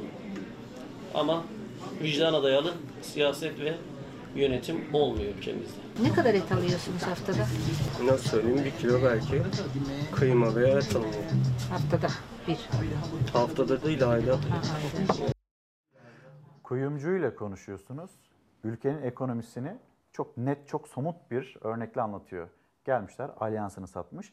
Bir haftalık çarşı pazar ihtiyacı için bir vatandaş. Eşiyle birlikte ya biz hapse gireceğiz, hiçbir şey ödeyemiyoruz, faturalar birikti diyen bir başka vatandaş. E şimdi ne olacak? Yani Öyle. ne- nereye gidiyor Şimdi, yani? e, geçen Mardin'de bir kahvede çay içiyorduk. Ahmet Davutoğlu da vardı. E, oranın sahibi olan şahıs dedi ki ya daha ben dedi bir sene öncesine kadar işte şu kadar e, liralık çantayla dolaşırdım. Şimdi buradan çıkıyorum işten eve giderken fırına uğrayıp askıda ekmek alıp götürüyorum. Yani durumu bundan daha iyi özetleyen bir şey var mı? Nasıl yoksullaştığını bir insanın. Yani bir esnaf diyor ki ben bu kadar kazanıyordum, böyleydi durumum.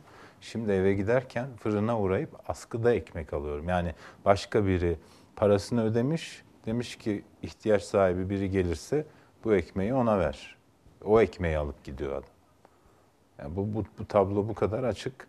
Ya ben şunu anlamıyorum. Yani e, toplumun gerçeklerinden bu kadar nasıl uzaklaşılabilir?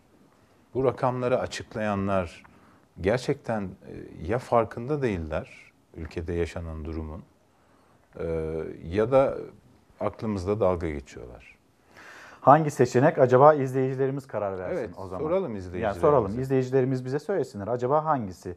Toplumun gerçeklerinden mi uzak yaşanılıyor? O kadar çok hani müzisyenlerden, işte sanatçılardan mesajlar geliyor ki işte hani esnafımızdan, herkesten, her kesimden yine e, amatör futbolcular burada bunu da konuştuk. Evet. Yani yaklaşık işte 70 bin 80 bin amatör futbolcu ve ailelerini de hesaba kattığınızda 200 bin kişilik bir kesimden söz ediyoruz. Onlar da e, yine kazançsız bir şekilde gün geçirmeye çalışıyorlar. Gelelim bir de CHP lideri Kılıçdaroğlu ev hanımlarıyla e, uzaktan uzağa görüştü, sorunlarını dinledi ve ev kadınları, ev hanımları acaba CHP liderine hangi sorunları iletti? Bir tane çocuğum var. Yani e- ekmek alacak halim yok. E, Bayat ekmek alıyorum çocuklarıma yediriyorum. Pazara çıkamıyorum. Çürük meyveleri atıyor. Onları almaya çalışıyorum. Çocuklarıma yediriyorum. 18 yıldır bu memleketi yönetenler niye sizin derdinizi duymadılar? Onların çocukları işsiz mi? Hayır. Bir maaşla yetinmiyorlar. 5 maaş. En hafifi de 10 bin lira. 50 bin lira bir eve giriyor. Ya öbür evde çocuklar aç. Ya bu vicdan mıdır Allah aşkına ya? Bu adalet midir? Uykularımız kaçıyor. Bir şeyler alamıyoruz çocuklarımız için. Geçimimiz o kadar zor ki. Çocuklarının istediklerini alamadığı için uykuları kaçan anneler anlattı. CHP lideri Kemal Kılıçdaroğlu dinledi. Hangisini söyleyeyim bilmiyorum ama yani zor gücüne bir geçim mücadelesi içindesi, içindeyiz. Kalp nakli bekleyen kızım var. Bizim bu halimiz ne olacak? Sadece hesap kitap ve tartışmalar söz konusu oluyor. Markete gittiğimiz zaman kardeşi bir şey istediği zaman artık fedakarlık yapmak zorunda kalıyoruz. Ee, abi abla daha çok ona biz almasak da olur diğer duruma geldik. Çok şiddet mağduruydum. Çok kötü günler geçirdim. Yeni boşandım. Ee, Bir apartmanın kapıcı dairesine geldik. Çocuklarımla beraber yalnız yaşamaya çalışıyoruz. Hiçbir gelirim yok. Hayata tutunmaya çalışıyorum. Hayata tutunmaya çalışan anneler çocuklarını nasıl büyüteceklerini düşünürken çocuklarını büyütüp evlendirenler de işsizlikten yakındı. Beş tane çocuğum var. Hepsi işsiz. Allah seni inandırsın. Oğlanı ev verdik. Gelin hamile. Oğlan üç tane dil biliyor. Turizmciydi. Turizm de kapandı. Aile destekleri sigortası olsaydı az önce saydığınız dramların hiçbirisi olmazdı. Gelirin belli bir rakamın altına düşmesi ve ailenin iş gelirinin olmaması halinde evdeki kadının banka hesabına yatacak. Ben Elifçil merhaba. Merhaba Elifciğim. Uzaktan görüntülü olarak ev hanımlarıyla konuşan CHP liderine bir de sürpriz vardı. Küçük Elif babamı daha çok görmek istiyorum diye seslendi Kılıçdaroğlu'na. Ben sizden bir şey istiyorum başkanım. Söyle ben bakalım. babamın artık bizim masrafları karşılamak için sürekli mesai, mesai kalıyor. Babamı Evet. göremiyorum, onu çok özlüyorum. Artık mesai kalmasını istemiyorum. Şu hayat artık düzene girsin. Hiç üzülme, e, derslerine çalış. Anneler size söz veriyorum. Bütün bu haksızlıkları bitirmek mümkün. Sizden isteğim şu. Ya bir de bu memleketin başına bir de haram yemeyen bir adam getirin ya. Kul hakkı yemeyen bir adam getirin ya. Şimdi bir izleyicimiz yazmış. Kıymetli bir hatırlatma. Müzisyen olarak değil sanatçı olarak bakın 1000 lira bağlandı. 3 öğün ekmek parası, yemek parası. Peki bu insanların kirası, faturası, çocuğunun çikolatası, paltosu, ayakkabısı yok mu? Hangi birisine yetişecek acaba bu 1000 lira? Ve yine Şükran Hanım göndermiş. Asgari ücrete zam gelmiş. E, işim var, asgari ücretliyim ama hiç sevinemedim. Bırakın ödemelere mutfağa zor yetiyor asgari ücret. Bir çözüm bulunsun, bir çözüm yolu. Çözüm yolu ne Deniz abi? Halkın kaynaklarının halka harcanması. Başka bir yol yok. Mantıklı yatırımlar yapılması. Yani gerçekten söylüyorum. Geçmeyen araçlar için o köprülere, otoyollara, işte gitmeyen hastalar için o hastanelere, e, gitmeyen yolcular için o havaalanlarına ödenen parayı alt alta yazdığında yüz binlerce insanın ihtiyacı karşılanır. Bu kadar net. Yani yatır, yatırım işte biraz önce haber vardı. Gayet net. Yani inşaata yatırıyorsun ya insana yatır. Bak şimdi belediyelere bakıyorum. Hepsi bütün kaynaklarını ki gelirleri çok azalmış insanlara harcıyorlar. Niye? Bu, bu süreci atlatalım diye, bu, bu süreci kazasız belasız e, bitirelim, buradan çık, çıkalım diye. Onun için bence yöneticiler artık biraz da insana, kendi insanına, kendi milletine yatırım yapsınlar. Bıraksınlar bu inşaatçıları, iş adamlarını, patronları falan kurtarmayı. Vatandaşın durumuna baksınlar, vatandaşı kurtarsınlar. Başka çıkış yolu yok yani. Deniz abi o zaman hani seninle sohbetimizin son cümlesi e, Özcan Kadıoğlu'nun sosyal medya üzerinden yapmış olduğu açıklamalar olsun. Sana da okuyayım, izleyicilerimize de aktarmış olayım. Hükümet yılbaşında yapmış olduğu tüm ekonomik veri tahminlerinde yanıldı. Sadece bir alanda yanılmadı. Vergi gelirleri tahminlerinin üzerinde gerçekleşti. 2020 yılı vergi gelir tahmini 784.6 milyar liraydı. Gerçekleşen vergi geliri 833 milyar lira. Kısaca 48 milyar lira daha fazla vergi toplandı. Bununla ilgili bir çağrısı bir formülü var. Fazla toplanan 48 milyar lirayla ne yapılabilir mesela? Ülkemizdeki tüm esnafa 1 milyon 800 bin.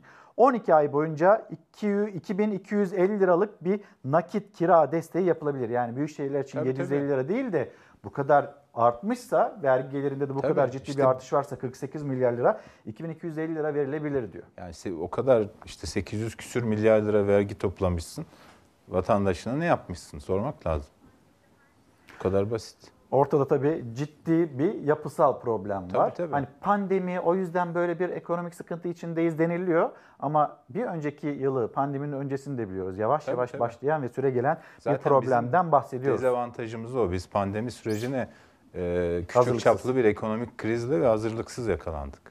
Maalesef tablo bu. Deniz abi teşekkürler. Ben teşekkür Önümüzdeki ederim. hafta devam ederiz. Efendim şimdi ben Deniz abiyi uğurlarken şimdi bir market düşünün. Geçen yıl gittiniz o markete aynı ürünü aldınız. İşte aynı bütçeyle gittiniz. Ama sonrasında yani bir yıl sonra acaba almış olduğunuz ürünler onun fiyatı Türkiye'de olsa ne kadar artmış olur?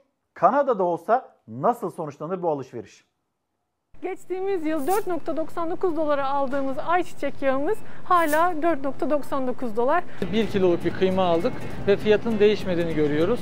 12 dolarda yine 12 dolar veriyoruz. Alışveriş tutarımız 200 doların altında kaldı. Bu alışverişi seneye yapsak yine ya 201 dolar tutacak ya 200 dolar tutacak ya 199 dolar tutacak. Aynı marketten aynı gramajda aynı marka ürünleri aldılar. Aynısını bile değil. Daha az ödediler. Kanada'da yaptıkları alışveriş 199 Kanada doları tuttu. Alışverişin aynısı Türkiye'de ise 624 lira. Kanada'da asgari ücret ortalama 2805 dolar. Türkiye'de ise 2825 lira. Yani Türkiye'deki asgari ücretli aynı ürünlere bütçesine göre Kanadalı asgari ücretliden 3 kat fazlasını ödemiş oldu. Aslında sadece asgari ücretli değil herkes. Bizim bir ayda gördüğümüz fiyat artışlarını bu tip ülkeler e, bir yılda görebiliyorlar. Süt ürünlerindeki düşüş Türkiye'de görülmedi aksine fazlasıyla arttı. Örneğin 2 kiloluk kaşar peyniri geçen yıl kilosu 25 liradan 50 liraydı. Bu sene kilosu 44 liradan 90 lira. Geçtiğimiz yıl 2 paket kaşara toplam 11.58 vermiştik ama bu yıl yalnızca 10 dolar ödeyeceğiz. Çünkü kaşarın fiyatı ucuzlamış arkadaşlar. Geçtiğimiz yıl iki paket almış ve toplam 7.98 dolar ödemiştik. Bu yıl yalnızca 5.98 ödeyeceğiz çünkü yoğurdumuzun fiyatı ucuzlamış. Kanada'da yaşayan ve asgari ücret alan Özge Cem Yücel çifti fiyatların hiç yükselmediğini fark etti. Geçen yıl Türkiye'deki asgari ücretli çiftle sosyal medya kanalları için market fiyatları karşılaştırması yapmışlardı. Bu senede yapmak istediler ama Türkiye'deki çifte aynı markette çekim izni verilmedi. Onlar da Türkiye'den sadece alışverişin sonucunu paylaştılar. 1 kiloya yakın bir kuşbaşı eti aldık. Geçtiğimiz sene 16 dolar 48 sent vermiştik.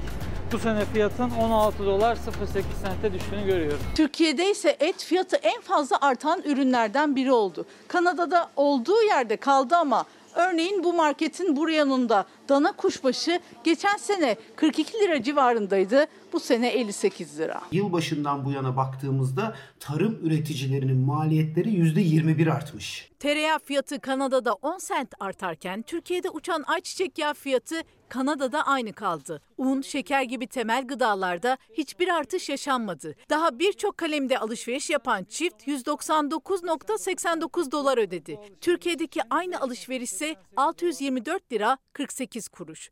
Asgari ücretlinin zaten bu kadar tutardaki alışverişi tek seferde yapmasına imkan yok ama eğer yaparsa maaşının dörtte biri gidecek. Kanada'da bir asgari ücretlinin maaşının ise 14'te biri. Tuğba Cankurt, Berker Cankurt diyor ki market kanayan yaramız. Ahmet Arslan kendisi Mersin Tepeköy'den bir üretici, bir çiftçi ve o da çıkış yolu için şunu söylüyor.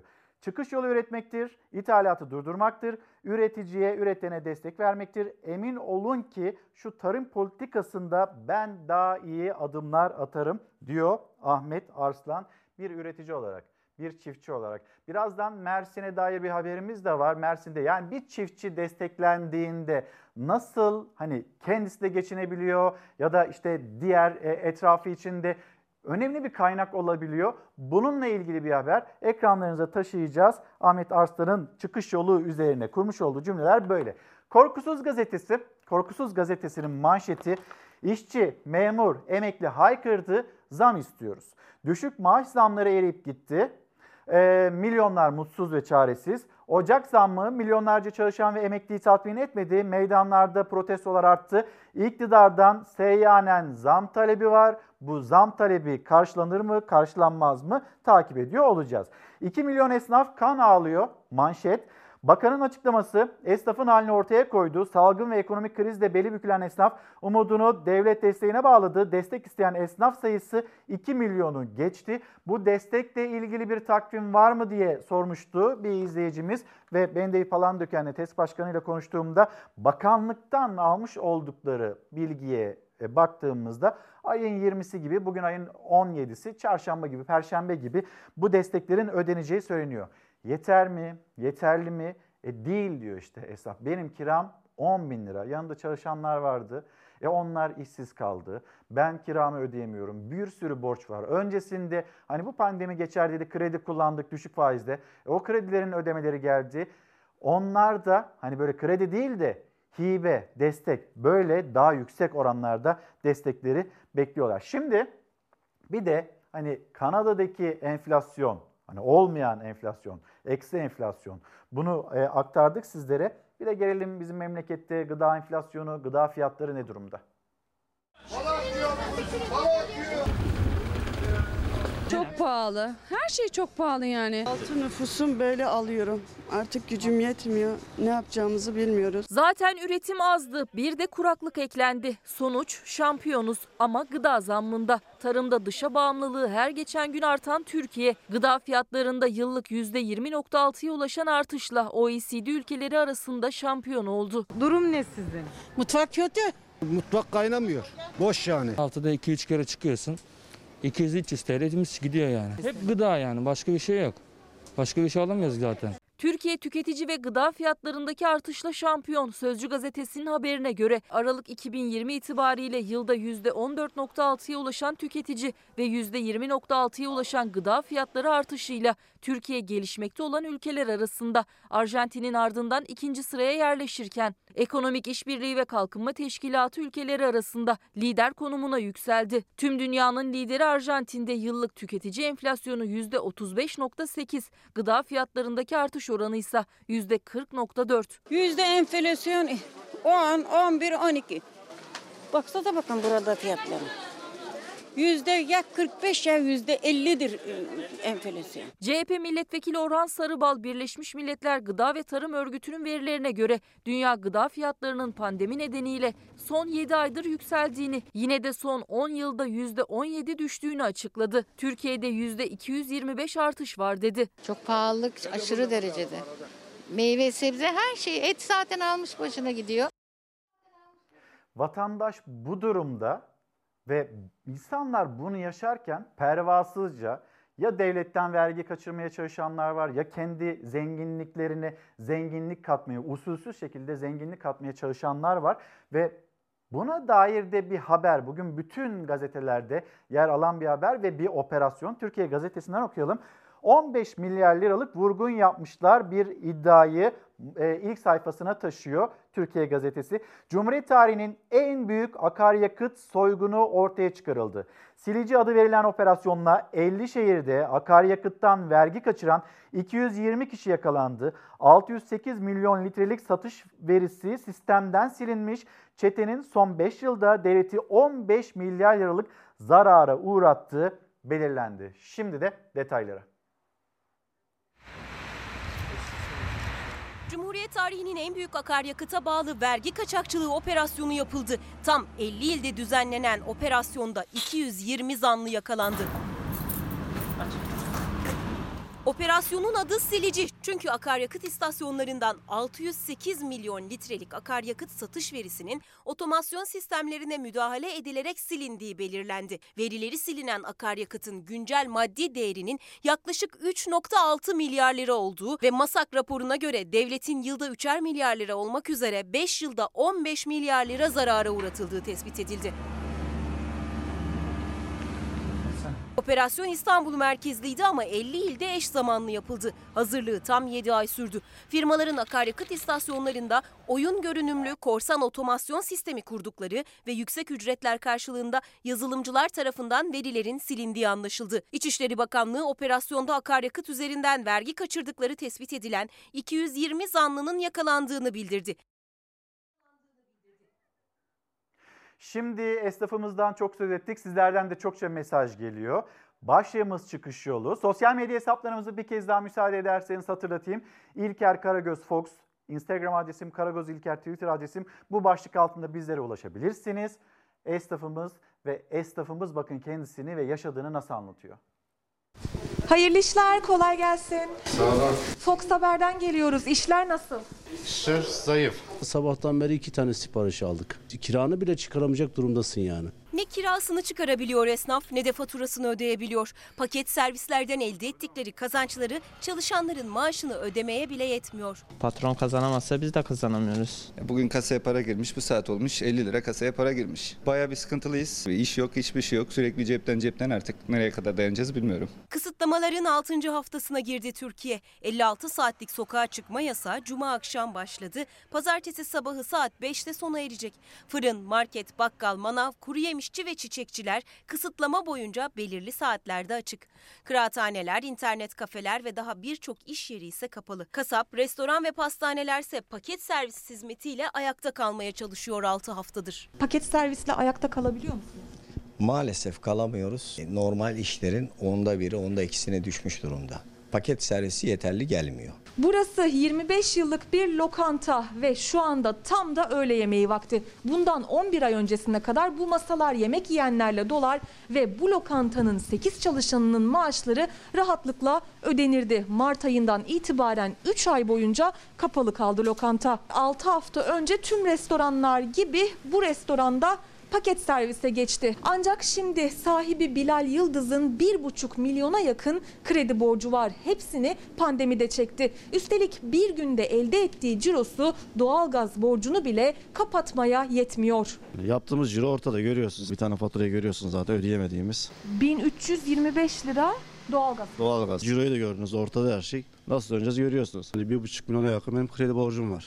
Şahitsiniz görüyorsunuz. 400 bin lira bir tanesi, 326 bin lira bir tanesi, 200 bin lira yakın bir tanesi bunlar faizleri hariç. Pandemide çektim işte bunları. Mecbur çektim ben ayakta kalabilmek için. Bilal Yıldız çektiği kredilerle çalışanlarının 11 aylık maaşını ve iş yerinin kirasını ödedi. Ancak yine de borçları birikti. Kredi kartı devreye girdi. Kredi kartı borcu da 31 bin lirayı aştı. Şu da şu anki kredi kartımın borcu. Bir tanesi yalnız bu. Borcundan hariç eksi şu anda. 2200 liraya yakında limiti aşmışım. O 12 bin liralık dükkan kirasını zor öderken kira 1000 lira zamlandı. Bu halde bile zam aldı yani zam verdik. Zam vermek zorunda kaldık. 12 bin liraydı. 13 bin lira veriyorum ben şu anda. Kalabildiğim kadar ayakta kalmaya çalışacağım. Bilal Yıldız gibi salgından etkilenen, borçla ayakta kalmaya çalışan milyonlarca esnaf var. Şimdiye kadar hükümetin gelir kaybı ve kira desteği için 2 milyondan fazla esnaf başvurdu. Ancak esnafın yaralarını sarmaya yetmiyor. O belirli kısma bulundu. Ufak esnafa bulundu işte çay ocağı. Bize bize yansımadı o. Özellikle de vergiler konusunda e, kira stopajlarının devam etmesi en büyük sorunlardan bir tanesidir. Bizim beklentimiz kira stopajlarının özellikle e, Kasım Aralık ayında ertelenmesiydi. Onlar iş yapamıyor ama kira, vergi ve diğer tüm giderler devam ediyor. İstanbul Tüccarlar Kulübü Başkanı İlker Önel de esnafın bu derdine dikkat çekti. %20'lik kurumlar vergisi diliminin belli bir süre %10'a düşürmesi bizim beklentimizdir. Şimdi esnafın durumu gerçekten zor. Kepenk indiriyorlar ve işte kira yardımları kendi kiralarının çok çok küçük e, bir kesimini ancak karşılayabiliyor. Az önce haberde vardı. 12 bin lira kira ödüyor. 1000 lira daha zam yapılmış. Yani insanlar birbirleriyle dayanışarak bu zor günleri atmaya, atlatmaya çalışırken yani tabii ki herkesin bütçesi kendisine göre. Ama 12 bin lira zaten ödeyemiyor. Bir de 12 bin liranın üzerinde 1000 lira zam yapılması ne anlama geliyor? Siz nasıl değerlendiriyorsunuz? Ya olmasa olmuyor mu? 6 ay sonra yapsa olmuyor mu? Bilemiyorum. Umut Bey günaydın. Diyor ki bakanın kendi ağzından 20 milyon doz Aralık, 20 milyon doz Ocak ve 10 milyon doz Şubat ayında gelecekti ama sadece 3 milyon doz aşı geldi diyor. Murat Etku günaydın bizi ve e, Türkiye'nin gündemini takibe alan izleyicilerimizden birisi. Gökhan Karaduman yine aynı şekilde. Dicle Hanım, Nebi Şahin, Bülent Dicle selamlarımızı iletelim. Bugün doğum gününü kutlayan izleyicilerimiz var ekran karşısında. Bugün doğum günü kutlayan herkesin doğum günü kutlu olsun. Aynı zamanda bülten sorumlumuz Öznur Turoğlu ve Seyhan. Kendisinin de bugün doğum günü. Özgürcüğüm iyi ki doğmuşsun, iyi ki varsın. Güzel bir yaş olsun eşinle, öykünle birlikte. Senin de doğum gününü kutlamak isterim. Şimdi çalışan kesimin yaşadığı bir probleme döneceğiz. Anayasanın 51. maddesini ben bir hatırlatayım. Ondan sonra aslında sıradaki haberi de sizlere aktarmış olayım. Anayasanın 51. maddesi der ki, çalışanlar ve işverenler üyelerinin çalışma ilişkilerinde ekonomik ve sosyal hak ve menfaatlerini korumak ve geliştirmek için önceden izin almaksızın sendikalar ve üst kuruluşlar kurma, bunlara serbestçe üye olma ve üyelikten serbestçe çekilme haklarına sahiptir. Şimdi böyle bir hak var. Anayasanın 51. maddesi. Anayasal bir hak. Hepimizin hakkı. Ama şimdi bu pandemi günlerinde, pandemi sürecinde tam da bunu bahane ederek yani sendikalı oldular diye bambaşka bir kodu işleterek, 29. kodu işleterek insanlar sanki ahlaksızlık yapıyorlar sendikalı olup da. Bu kişileri pandemi sürecinde işten çıkarmanın yasak olduğu bir süreçte kapının önüne koymak reva mıdır? Yine yine kazanacağız. Cumhurbaşkanımıza sesleniyorum. Burada 29. kod işverenlerin ekmeğine yağ sürülmüş. Kod 29, 25'e 2'den işten çıkarma bir çeşit kara liste gibidir. İşçiler bu şekilde işten çıkartıldığında tekrar başka bir yerde iş bulmakta daha fazla zorlanmaktadır. Pandemi döneminde işten çıkarmak yasak ama bir istisna var. Adı Kod 29. İşveren iş kanunundaki Kod 29'u gerekçe gösterip sorgusuz sualsiz işten atıyor işçiyi. Tazminat bile ödemiyor. Kod 29 ve 25'e 2'den işten çıkarma, işverenlerin işçilere karşı tazminat yükümlülüğünden kaçmak için kullandıkları, gerçeğe aykırı iddia ve yorumlarla kullandıkları bir işten çıkarma biçimidir. Türkiye'nin dört bir yanından benzer haberler geliyor. Patronlar pandemi dönemindeki yasağı SGK 29 koduyla deliyor. Ahlak ve iyi niyet kurallarına uymadığını ileri sürüp özellikle sendikalı işçilerin iş akitlerini sonlandırıyor. Pandemi döneminde işsiz kalanların %70'i bu kodla işlerinden oldu. Gerekçe olarak da işçinin ahlak ve iyi niyet kurallarına aykırı davranışlar sergilediği bahanesini uydurmuş. Senin ahlakın nerede? İş kanunun 25. maddesine dayandırarak tazminatsız bir şekilde fesih yoluna gitmiştir. İşveren genellikle önce ücretsiz izinle göz korkutuyor ardından işten atmalar başlıyor. Çorum'da 90, Manisa'da 11 metal işçisi, Karaman'da gıda sektörü için çalışan 12 işçi şu anda işsiz, eve ekmek götüremiyorlar. Kod 29 damgası yüzünden işsizlik maaşı da alamıyorlar. Peki bu 90 tane insan niye çıkartıldı işte?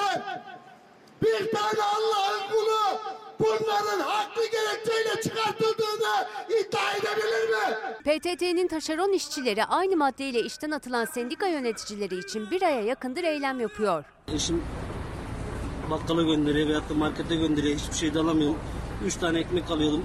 Onu da çaldılar benden. Çağrı merkezi çalışanı Mesut Toprak'ta kod 29 ile çıkarıldı. İşsiz kalınca pazarda su, limon ve eşofman satmaya başladı. Kod 29 artık patronların e, silahıdır e, ve çok ucu açık bir hükümdür. Adeta bir mahkeme gibi yargılıyor, ahlaksız ve e, kötü niyet hükmü veriyor. Pandemi sürecinde işten çıkarmanın yasak olduğu bir süreçte kod 29 ahlaksızlık yaptığı işçi deyip ve bu işte yine işten çıkartılanların %70'i bu maddeyle çıkartıldı. Burada anayasal bir hak var. Bir kez daha hatırlatmamız gerekiyor. Ve sendikalı olmak, örgütlü olmak bir ahlaksızlık değil. Şimdi e, Leyla Hanım günaydınlar. Kardeşim özel okulda öğretmen, maaşı asgari ücretin altında kaldığı, sigortası ödenmiyor. İki çocuğu var. Bunun bir çıkış yolu var mı diyor. Ümit Bey Fox Haber'i izliyorum, iyi haberler yok. Diğer kanalları izliyorum, ülke güllük gülistanlık. Kime inanacağımızı şaşırdık demekte. Efendim kendinize inanacaksınız, kendi yaşadığınıza inanacaksınız ve en doğru kararı da siz vereceksiniz. Mutfağınıza bakın, cebinize bakın, cüzdanınıza bakın, geçiminize bakın. Zaten doğru karar sizde. Şimdi bir mola verelim. Dönüşte yine pek çok haberimiz var. Onları aktarmak için buluşalım. Günaydın bir kez daha. Dünyadan ve memleketten haberler yine sizlerden gelen mesajlarla Çalar Saat hafta sonuna devam edeceğiz. Çok haberimiz var. Bir yandan da bugün derbi var. Beşiktaş evinde Galatasaray'ı ağırlayacak. Fenerbahçe ve Fenerbahçe taraftarları inanılmaz mesut ve Fox Spor Müdürü Elvan Arat'la birazdan bir canlı yayında gerçekleştireceğiz. Milliyet Gazetesi'ne dönelim. Dünyanın konuştuğu, tartıştığı konulardan bir tanesi bu. Norveç BioNTech aşısı için uyardı. Pfizer'in BioNTech ortaklığında geliştirdiği koronavirüs aşısının yapıldığı 23 kişinin hayatını kaybetmesinin ardından Norveç Halk Sağlığı Enstitüsü'nden risk uyarısı geldi. Açıklamada aşının hastalığı olan 80 yaş üstündekiler için riskli olduğu belirtildi. Şimdi bu konuyla ilgili olarak da yine bir bilim insanı Çağhan Kızıl onun değerlendirmesine de bakalım. Aşılama sonrası yaşamını kaybeden kişilerle ilgili haberleri bilimsel temelde değerlendirmek gerekiyor. Norveç'te yaşanan ölümler 75 yaş üzerindeki ve resmi makamlarca yaşa ve başka sağlık koşullarına bağlı nedenlerle zayıf olarak tanımlanan bünyelere sahip kişilerde yaşandı. Bu durum aşılanan grupların dikkatli seçilmesi ve takip mekanizmalarının etkili yapılması gerektiğine işaret ediyor. Şu an için bu zayıf bünyelere sahip olmayan insanlarda aşının bir tehlikesi görülmüyor. Aşılarda kabul edilerek e, güvenlik kriterlerinin de net olduğunu söylüyor. Şimdi Amerika'ya baktığımızda 100 binde bir böyle bir yan etkiyle karşılaşan kişiler var. Almanya'ya baktığımızda ya da Avrupa'nın diğer kentlerine baktığımızda 100 binde 8, 100 binde 1 ve 8 arasında bir e, yan etkiyle karşılaşılıyor. Ama 100 binde 1 ya da 100 binde 8 şu anki veriler böyle. Biz kimleri aşılayacağız buna da dikkat etmemiz gerekiyor diyor e, Çağhan Kızıl. Şimdi hemen dünya, dünyanın koronavirüs tablosuna bakalım. Küresel acil durumunun devam etmesi gerektiğini söylüyor Dünya Sağlık Örgütü ve pandeminin ikinci yılı ilkinden daha sert geçebilir. Bir başka uyarı da bu. Dünya Sağlık Örgütü salgında ikinci yılın ilkinden ağır olabileceği uyarısı yaptı. Küresel acil durumun devamını tavsiye etti. Aşıda tedarik sıkıntısı başladı. Avrupa'da aşı krizi ortaya çıktı. Dünyayı saran Covid-19 salgını ikinci yılında da hız kesmedi. Can kaybı 2 milyonu geçti. Toplam vaka sayısı 100 milyona ilerlerken bunun 25 milyonu aktif vaka. Salgına karşı başlayan aşı seferberliği tüm hızıyla sürüyor. Şu ana kadar dünya genelinde 36 milyona yakın kişi aşılandı. Aşılama işlemleri sürerken Amerika ve Avrupa Birliği'nde aşı krizi baş gösterdi. Amerika'daki krizin merkezi New York eyaleti oldu. Eyalette aşı stokları tükendi. Yeni aşı tedarik edilemezken aşı randevuları iptal ediliyor. Avrupa Birliği de tedarikten yana sıkıntılı. BioNTech Pfizer, Covid-19 aşısı üretimini artırmak için imalat sürecinde değişikliğe gitti. Bu durumun Avrupa'ya yapılacak teslimatları yavaşlatacağını açıkladı. Hem vaka hem de ölü sayısında ilk sırada yer alan Amerika'da ise son bir haftada günlük can kaybı 4000'in üzerinde seyretti. Amerika Hastalık Kontrol ve Önleme Merkezi mutasyonlu virüsün 12 eyalette görüldüğünü açıkladı. Salgının başlangıç noktası Çin'de koronavirüs vakaları yeniden yükselişte. Vaka sayıları 8 ay sonra ilk kez yüzün üzerini gördü. Bazı şehirler karantinaya alındı. Salgının bir türlü kontrol altına alınamadığı bazı Avrupa ülkelerinde de kısıtlamalar sürüyor. Kimi ülkeler kısıtlama tarihlerini uzatırken Almanya ve İtalya'da esnaf isyan etti. İtalya'da restoran sahipleri yasak dinlemedi, dükkanlarını açtı. Benzer eylem Almanya'da da yapılacak. Restoranların yanı sıra kafe, berber ve mağazalar pazartesi günü kepenk açma kararı aldı. İtalya'dan ve Almanya'dan protesto sesleri yükseliyor. Esnaf yasak olmasına rağmen dükkanlarını açıyor. Ee, Cem Hüseyin Görmez, günaydınlar. Diyor ki ben banka çalışanıyım. Hiçbir listede bizim aşılanma sıramız gözükmüyor. Bu konuyu da lütfen dile getirir misiniz? Yani bir şablon var, dört aşamalı şablon. İnsanlar aşı geldikçe bu böyle milyon milyon dozlar geldikçe aşılanacak. Ama banka çalışanları mesela ikinci aşamada riskli gruba girer mi girmez mi? Bunun tartışmasıyla ilgili bir soruyu merakını iletiyor. Cem Bey e doğru yani orada da bir kalabalıklaşma oluyor. Her ne kadar engellenmeye çalışılsa da ama bir kişi virüs taşıyorsa bankaya giderse bankada o karşısındaki e, banka personeline de bu virüsü bulaştırabilir. Bizi de hatırlatın diyor. Şimdi bu mesajdan sonra memleket turuna çıkalım. İlk olarak Denizli'ye gidelim. Bir kumbarada 6 ayda acaba ne kadar para birikebilir?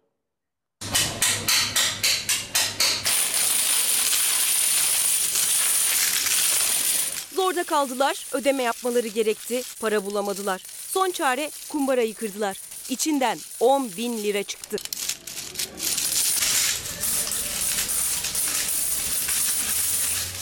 Koronavirüs sebebiyle işleri kötü giden Denizli'li iki arkadaş artık neredeyse pes etmişlerdi. Son çare bir de kumbaraya bakalım dediler. 6 aydır biriktiriyorlardı. Çıkan parayı 6 saatte saydılar. İçinde tam 9823 lira vardı. Dükkan kirası, kredi borçları, elektrik, su ve doğalgaz ve e, evin ihtiyaçları da tabii ki bunların cabası. Yani bu şekilde ihtiyaçlarımızı gidermeye çalışacağız. Borçlar şimdilik sürpriz kumbarayla kapandı. Peki bundan sonra? Bu şaşırtan haberden sonra ki hani burada bu kadar böyle bir birikim yaptıysanız nasıl unuttunuz? Hani aklımızı kurcalıyor. 10 bin liraya yakın para toplanmış. İyi de olmuş yani bir can simidi olmuş oradaki iki arkadaş için. Şimdi biz bir başka can simidinden bahsedeceğiz. O can simidi aslında böyle şaşırtan bir buluş olarak karşımıza çıkıyor.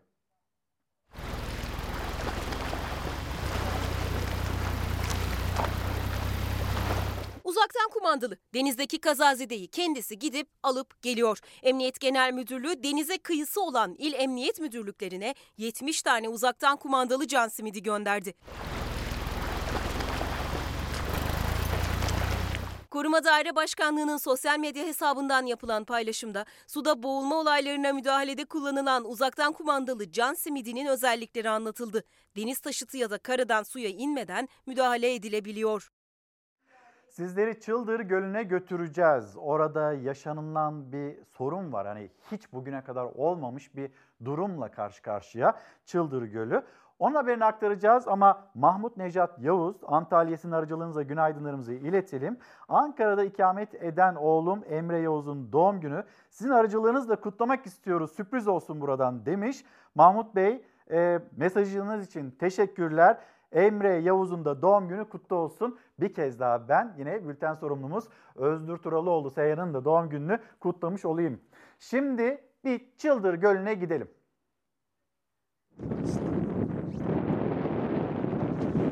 Her gün her yerden gelen su çekildi. Barajlar kurudu haberleri tehlikenin de boyutunun göstergesi. Yağan yağmur ve kara rağmen kış beklenen şiddetiyle geçmiyor. Yılın bu günlerinde üstünde yürünebilen, spor yapılan Çıldır Gölü'nün bile buzu çözüldü. Bundan 15 gün öncesine kadar bir buzlanma, buz tabakası falan vardı.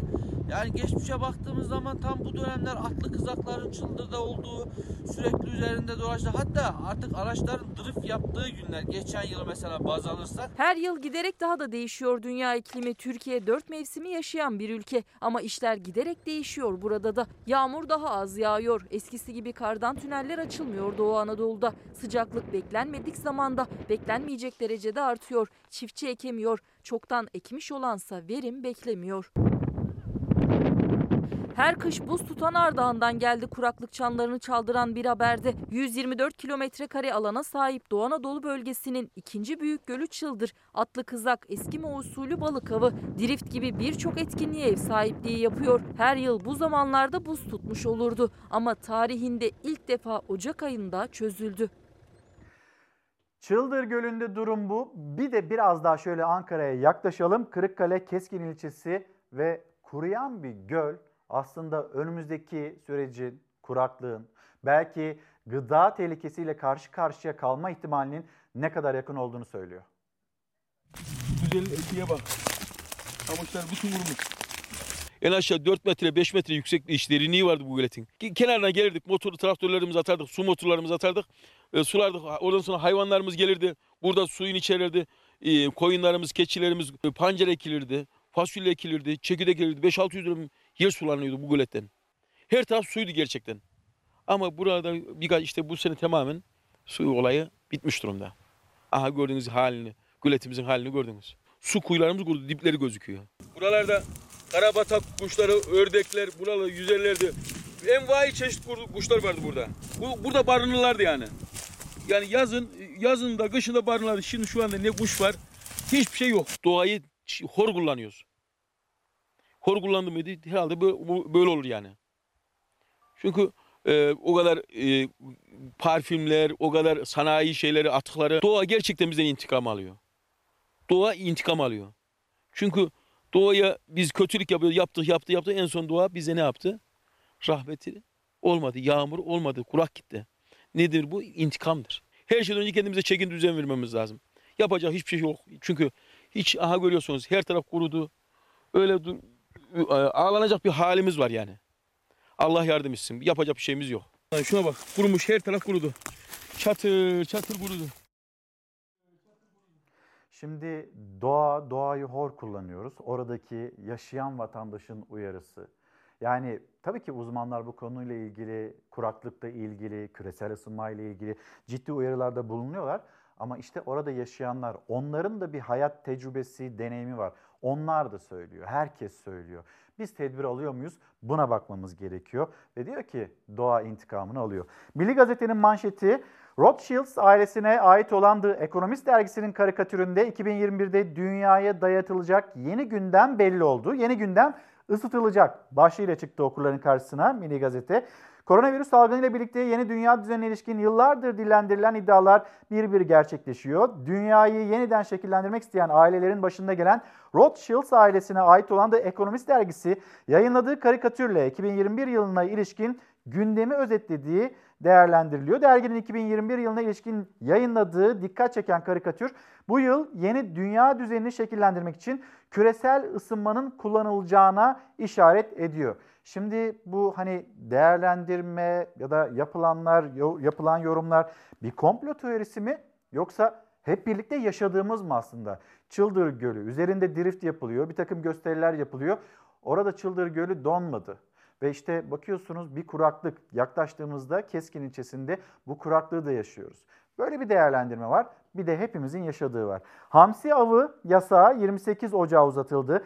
İstanbul Boğazı'nın tamamıyla Karadeniz'de İstanbul'un Sarıyer ilçesi Kumköy Aslanburnu'ndan Gürcistan sınırına kadar olan karasularda her türlü av aracıyla ticari amaçlı hamsi avcılığının durdurulmasına ilişkin kararın süresi 28 Ocak saat 00'a kadar uzatıldı. Bunun da hatırlatmasını bir yapalım.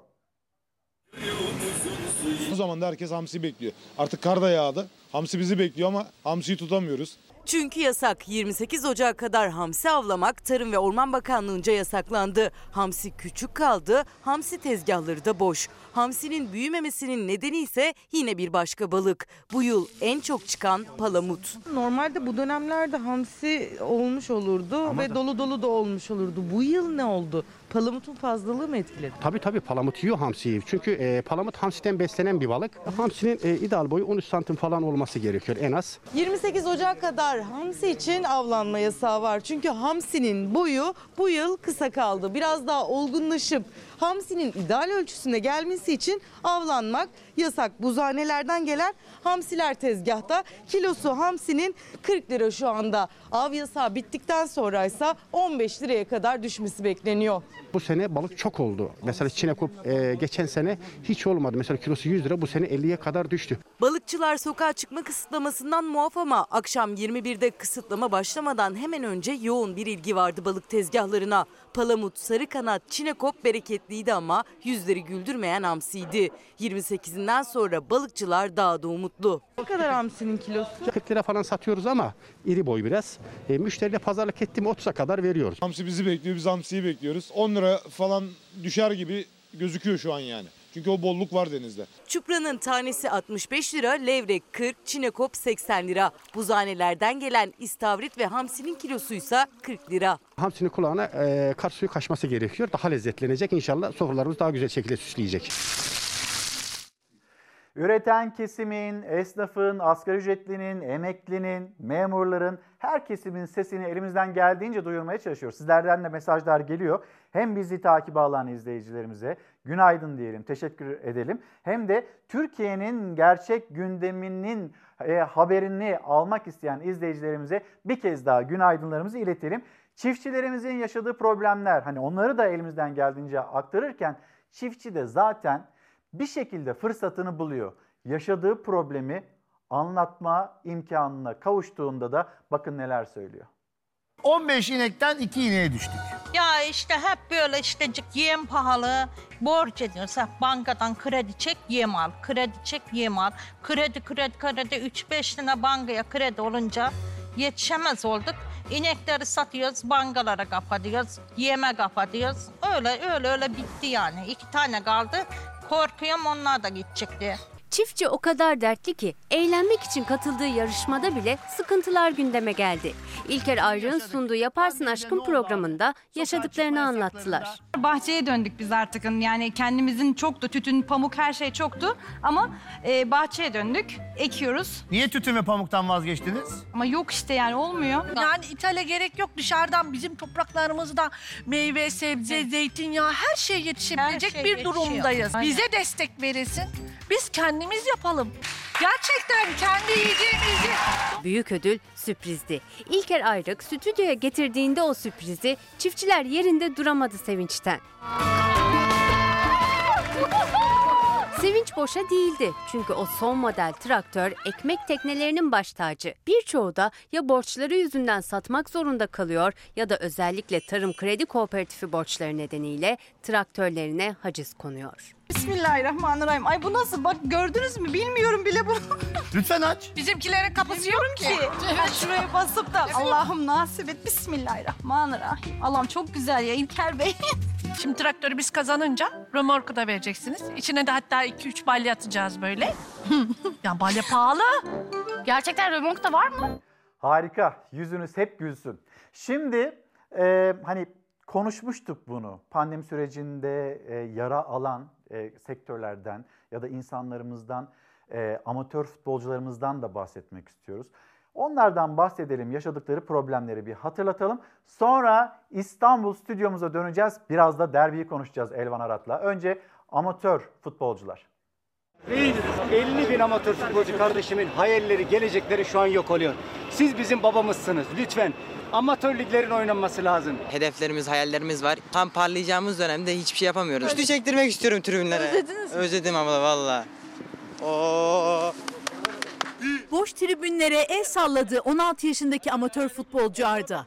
Tam da parlayacak, yeşil sahalarda fırtına gibi esecekti ki salgın yüzünden ayrı kaldı sahalardan. Oysa liglerin hepsinde seyircisiz de olsa futbol oynanıyor. Sadece amatör takımlar yapamıyor maçlarını. Arda'nın ki gelecek kaygısı, abilerinin derdi ise geçim savaşı. Futbolcusu, malzemecisi, antrenörü zaten birçoğunun asgari ücret veya altında geliri vardı. Şimdi o da yok. Yaklaşık 70 bin tane abilerimiz var.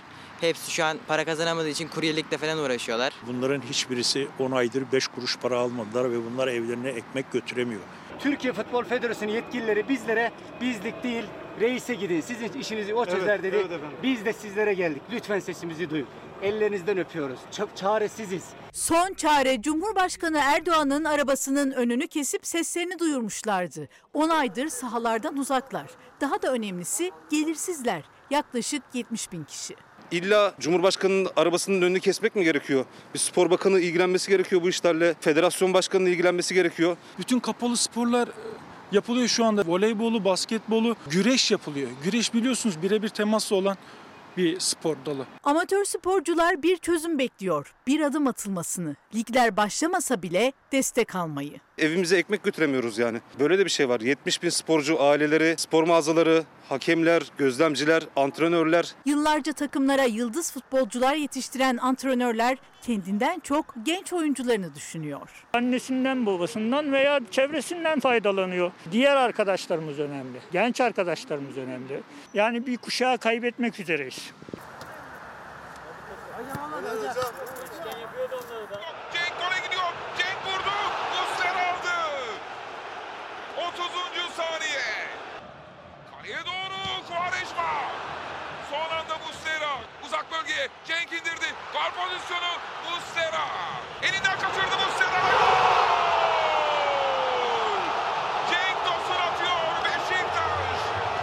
İkinci yarıda 35. saniyede golü buluyor. Beşiktaş için ikinci gol şansı. Cezaları şut. Döndü Muslera'dan. Gol pozisyonu. Quaresma kale boş. Quaresma. Beşiktaş gole gidiyor. Quaresma. Quaresma. Out. Gol pozisyonu. Oğuzhan. Son anda Muslera. Quaresma Muslera. out. Müthiş şeyler oluyor Galatasaray ceza alanında. Gol pozisyonu. Şurada gol. Top ağlarda gol.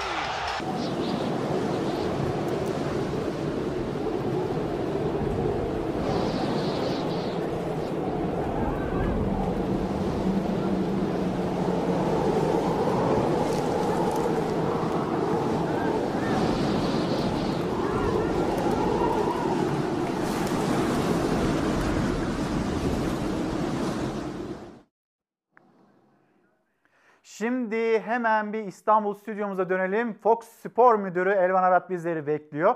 Bugün Beşiktaş evinde Galatasaray'ı ağırlayacak. Bugün bir derbi. 17. hafta mı? Yanlış mı söylüyorum? İrfan, 19. Ee, Elvan. Şimdi 19. 19. hafta ve yine bir derbi haftası. Evet. Daha önceki buluşmalarımızda Elvan hani Fenerbahçe, Beşiktaş hani o derbide senin istatistiklerini yansıtmayan bir sonuç çıkmıştı. Acaba bu maç nasıl e, sonuçlanır?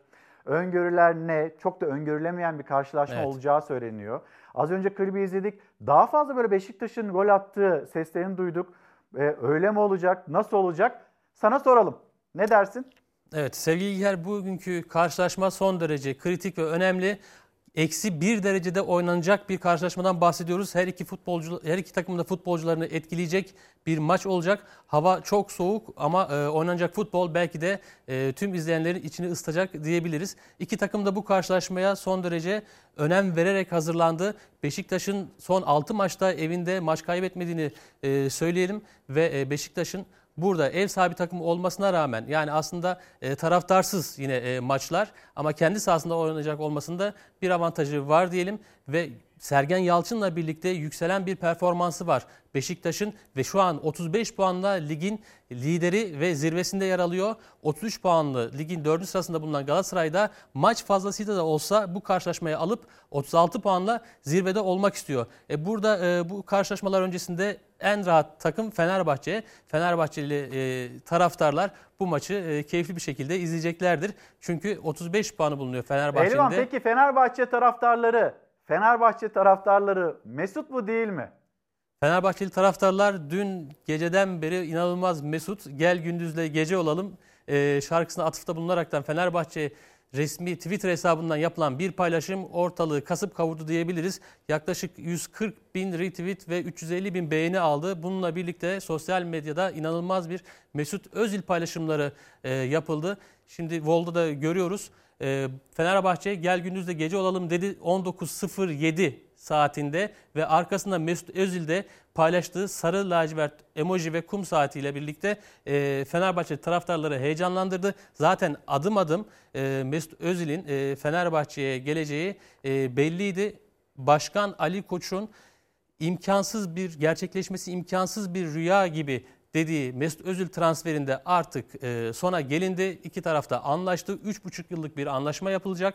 Sözleşme imzalanacak. Futbolcunun e, yarın e, Sayın Başkan Ali Koç'un özel uçağıyla İstanbul'a gelmesi bekleniyor. Herhangi bir aksilik olmazsa tabii ki e, burada mali şartlar da son derece önemli. Fenerbahçe yaptığı çalışmayla Fenerbahçe'nin 3 sene 3,5 senelik e, süre içerisinde kasasından çıkacak e, rakam yaklaşık 10 milyon euro civarında. Tabii ki Mesut Özil İngiltere'de Arsenal'da e, haftalık 350 bin pound yanılmıyorsam e, 3,5 milyon TL haftalık rakam kazanan bir futbolcudan bahsediyoruz. Ortalama 10'la çarp. Evet. Ee, nasıl e, Hacı Galatasaray'da, Alex e, Fenerbahçe'de kilit bir oyuncu ve büyük transferdi. E, Mesut Özil de aynı şekilde e, çok önemli bir transfer. E, dünya medyasında da inanılmaz gündeme geldi. Özellikle imza atıldıktan sonra daha çok gündeme gelecek. Tam bir 10 numara maestro Fenerbahçe'nin beyni olacak, saha içerisindeki beyni olacak bir isimden bahsediyoruz. Fenerbahçe katkısı tabii ki çok fazla olacak ama sadece tek eksiği şu an e, geçtiğimiz sene Mart ayından beri maç oynamaması, kulübünde yaşadığı sıkıntılardan dolayı kadro dışı kalmıştı. Maç eksiğini tamamladıktan sonra Fenerbahçe'nin istediği e, düzeye gelecektir. Onunla birlikte hem Fenerbahçe'nin genç futbolcularına hem de takım içindeki arkadaşlarına da yol gösterici olacaktır sevgili İlker. Elvan abi şimdi tekrar geri gelelim derbiye. Gelelim. Beşiktaş evinde Galatasaray'ı ağırlayacak. Biraz böyle bize o derbi heyecanını yaşatır mısın? Ne olacak? Nasıl geçecek? Takımlar nasıl? Hazır mı değil mi? Kimler var kimler yok? Gollü mü olur? Nasıl olur? İlker şimdi hava şartları burada çok belirleyici olacak. Eğer İstanbul'da şu an dışarıda buz gibi bir hava var e, ve eksi 1-2 derecede oynanacak bir karşılaşmadan bahsediyoruz. Kar yağışı eğer şiddetli olursa sağ zemini karla kaplanırsa çok gollü olmasını bekleyemeyiz tabii ki. E, bu e, hava şartları mutlaka ki iki takım futbolcularını da etkileyecek. Ben hemen bir muhtemel 11 vereyim istersen. E, Beşiktaş'ta kalede Ersin, Royzer, Tamam. Vida, Montero, Rıdvan, Atiba, Souza, Oğuzhan, Gezal ve Larin kanatlarda e, forvette ise Abu Bakar olacak. E, Galatasaray'da ise kalede Okan genç her iki takımın da kalecisi çok genç ve e, bunlara da çok büyük iş düşecek bu karşılaşmada. Saratçı, Marko, Donk, Şener e, defans hattında, Taylan, Belhanda, Emre Kılınç, Feguli, Arda e, kanatlarda ve e, Galatasaray'ın e, bir zamanlar problemli golcüsü olan Cagne de forvet hattında. Cagne e, 9 gol attı şu ana kadar. Beşiktaş'ın e, Forvet hattı daha güçlü. E, Larin 11 gol, Abu Bakar 9 gol attı. E, Beşiktaş'ın şu ana kadar attığı 34 golün 20 golü bu iki futbolcudan geldi. Yani Galatasaray'ın defans tarafı daha güçlü, Beşiktaş'ın ise ofansif kısmı daha güçlü. E, burada Fenerbahçe açısından baktığımızda beraberlik O zaman böyle e, dengeli bir içinde- karşılaşma mı olacak? Vallahi dengeli bir karşılaşma bekliyorum açıkçası ama e, Beşiktaş'ın bir adım daha önde olduğunu söyleyebiliriz. Şimdi izleyicilerimiz de yazıyor. Az önce klibi izleyen izleyicilerimiz hep Beşiktaş'ın gol attığı sesini duyduk diye. E şimdi hani acaba bu klibin montajını yapan arkadaş Beşiktaşlı da ondan mı böyle bir klip ortaya çıktı diyor soruyorlar. Ama net bariz bir şekilde Beşiktaş kazanacak diyemiyorsun sen. Şunu söyleyeyim öncelikle e, bu klip Beşiktaş e, resmi hesaplarından paylaşılan Beşiktaş'ın kendi paylaştığı bir klip. Biz e, ayrıca e, böyle bir klip hazırlamadık.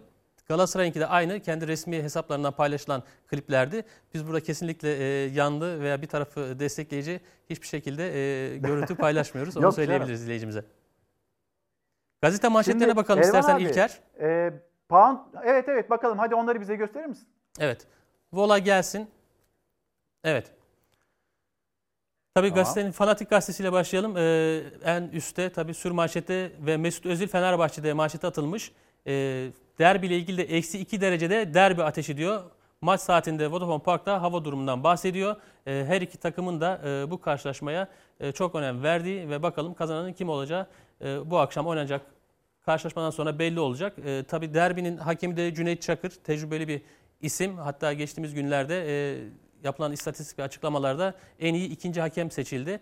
E, Galas, e, Beş- Trabzonspor dün oynadığı karşılaşmada 90 artı 6'da attığı golle e, 1-1 buldu ve yine e, yenilmezliğini devam ettirdi Abdullah Avcı'yla. E, diğer gazeteye geçelim foto maça. Trabzon için de ne kadar zor bir maç oldu. Yani Evet. erken e, dakikalarda Antalya Spor kırmızı kart gördü. Kaçan bir penaltı var. Aynen. Ve ta 96 6'ya kadar Evet. e, beklemek zorunda kaldılar gol için ve beraberliği aldılar. Evet yani 10 kişilik bir rakibine karşı e, sevgili İlker e, yani atak bir futbol oynayamadı açıkçası. E, kötüydü karşılaşma onlar açısından. E, Fotomaç gazetesinde de e, zirvede çarpışma e, manşeti var. E, burada da yine derbinin e, öne çıkan gelişmelerini aktarmış ve Mesut yarın geliyor haberi de var e, sağ tarafta. E, bir de Sözcü gazetesinde dün yayınlanan bir e, istatistik bilgileri vardı. E, sevgili Tarkan Batgün paylaşmıştı. Hemen onu da ekranlara Evet. taşıyalım. E, burada da hücum güçleri birbirine denk diyor. Sen yani bunlar tamamen istatistiki veriler. önde. Evet. Sözcü gazetesinin spor sayfasında Cimbom bir adım önde diyor. Bakalım nasıl bir maç olacak. Evet hemen onu Orada dört önemli karşılaştırmanın ikisinde Galatasaray'ın üstünlüğüne dikkat çekti e, sevgili İlker. E, defanstan çıkarken dikkat, yaratıcı pas aslanın işi diyor. Burada da istatistik bilgiler verilmiş ama tabii ki derbilerin e, skor tahmini e, zordur. E, bakalım bu akşamki karşılaşma bu soğuk İstanbul akşamında e, hepimizin içini ısıtacak mı? İsteriz ki tabii ki bol gollü, hakemin karşılaşmanın skoruna etki etmeyeceği bir e, maç olsun, derbi olsun. Tek beklentimiz güzel bir futbol izlemek. Şimdi bir kez daha son cümle e, Elvan Arat. Beşiktaş bir adım önde diyorsun. Hani senin bir tahminini almak istiyorum. Evet. Bir de gollü mü olacak? Nasıl olacak? E, çok gollü olacağını sanmıyorum sevgili İlker. Yani benim e, aklımdan geçen açıkçası bir beraberlik gibi geliyor. E, belki karşılıklı golün olacağı bir beraberlik veya 0-0 gibi bir beraberlik olabilir.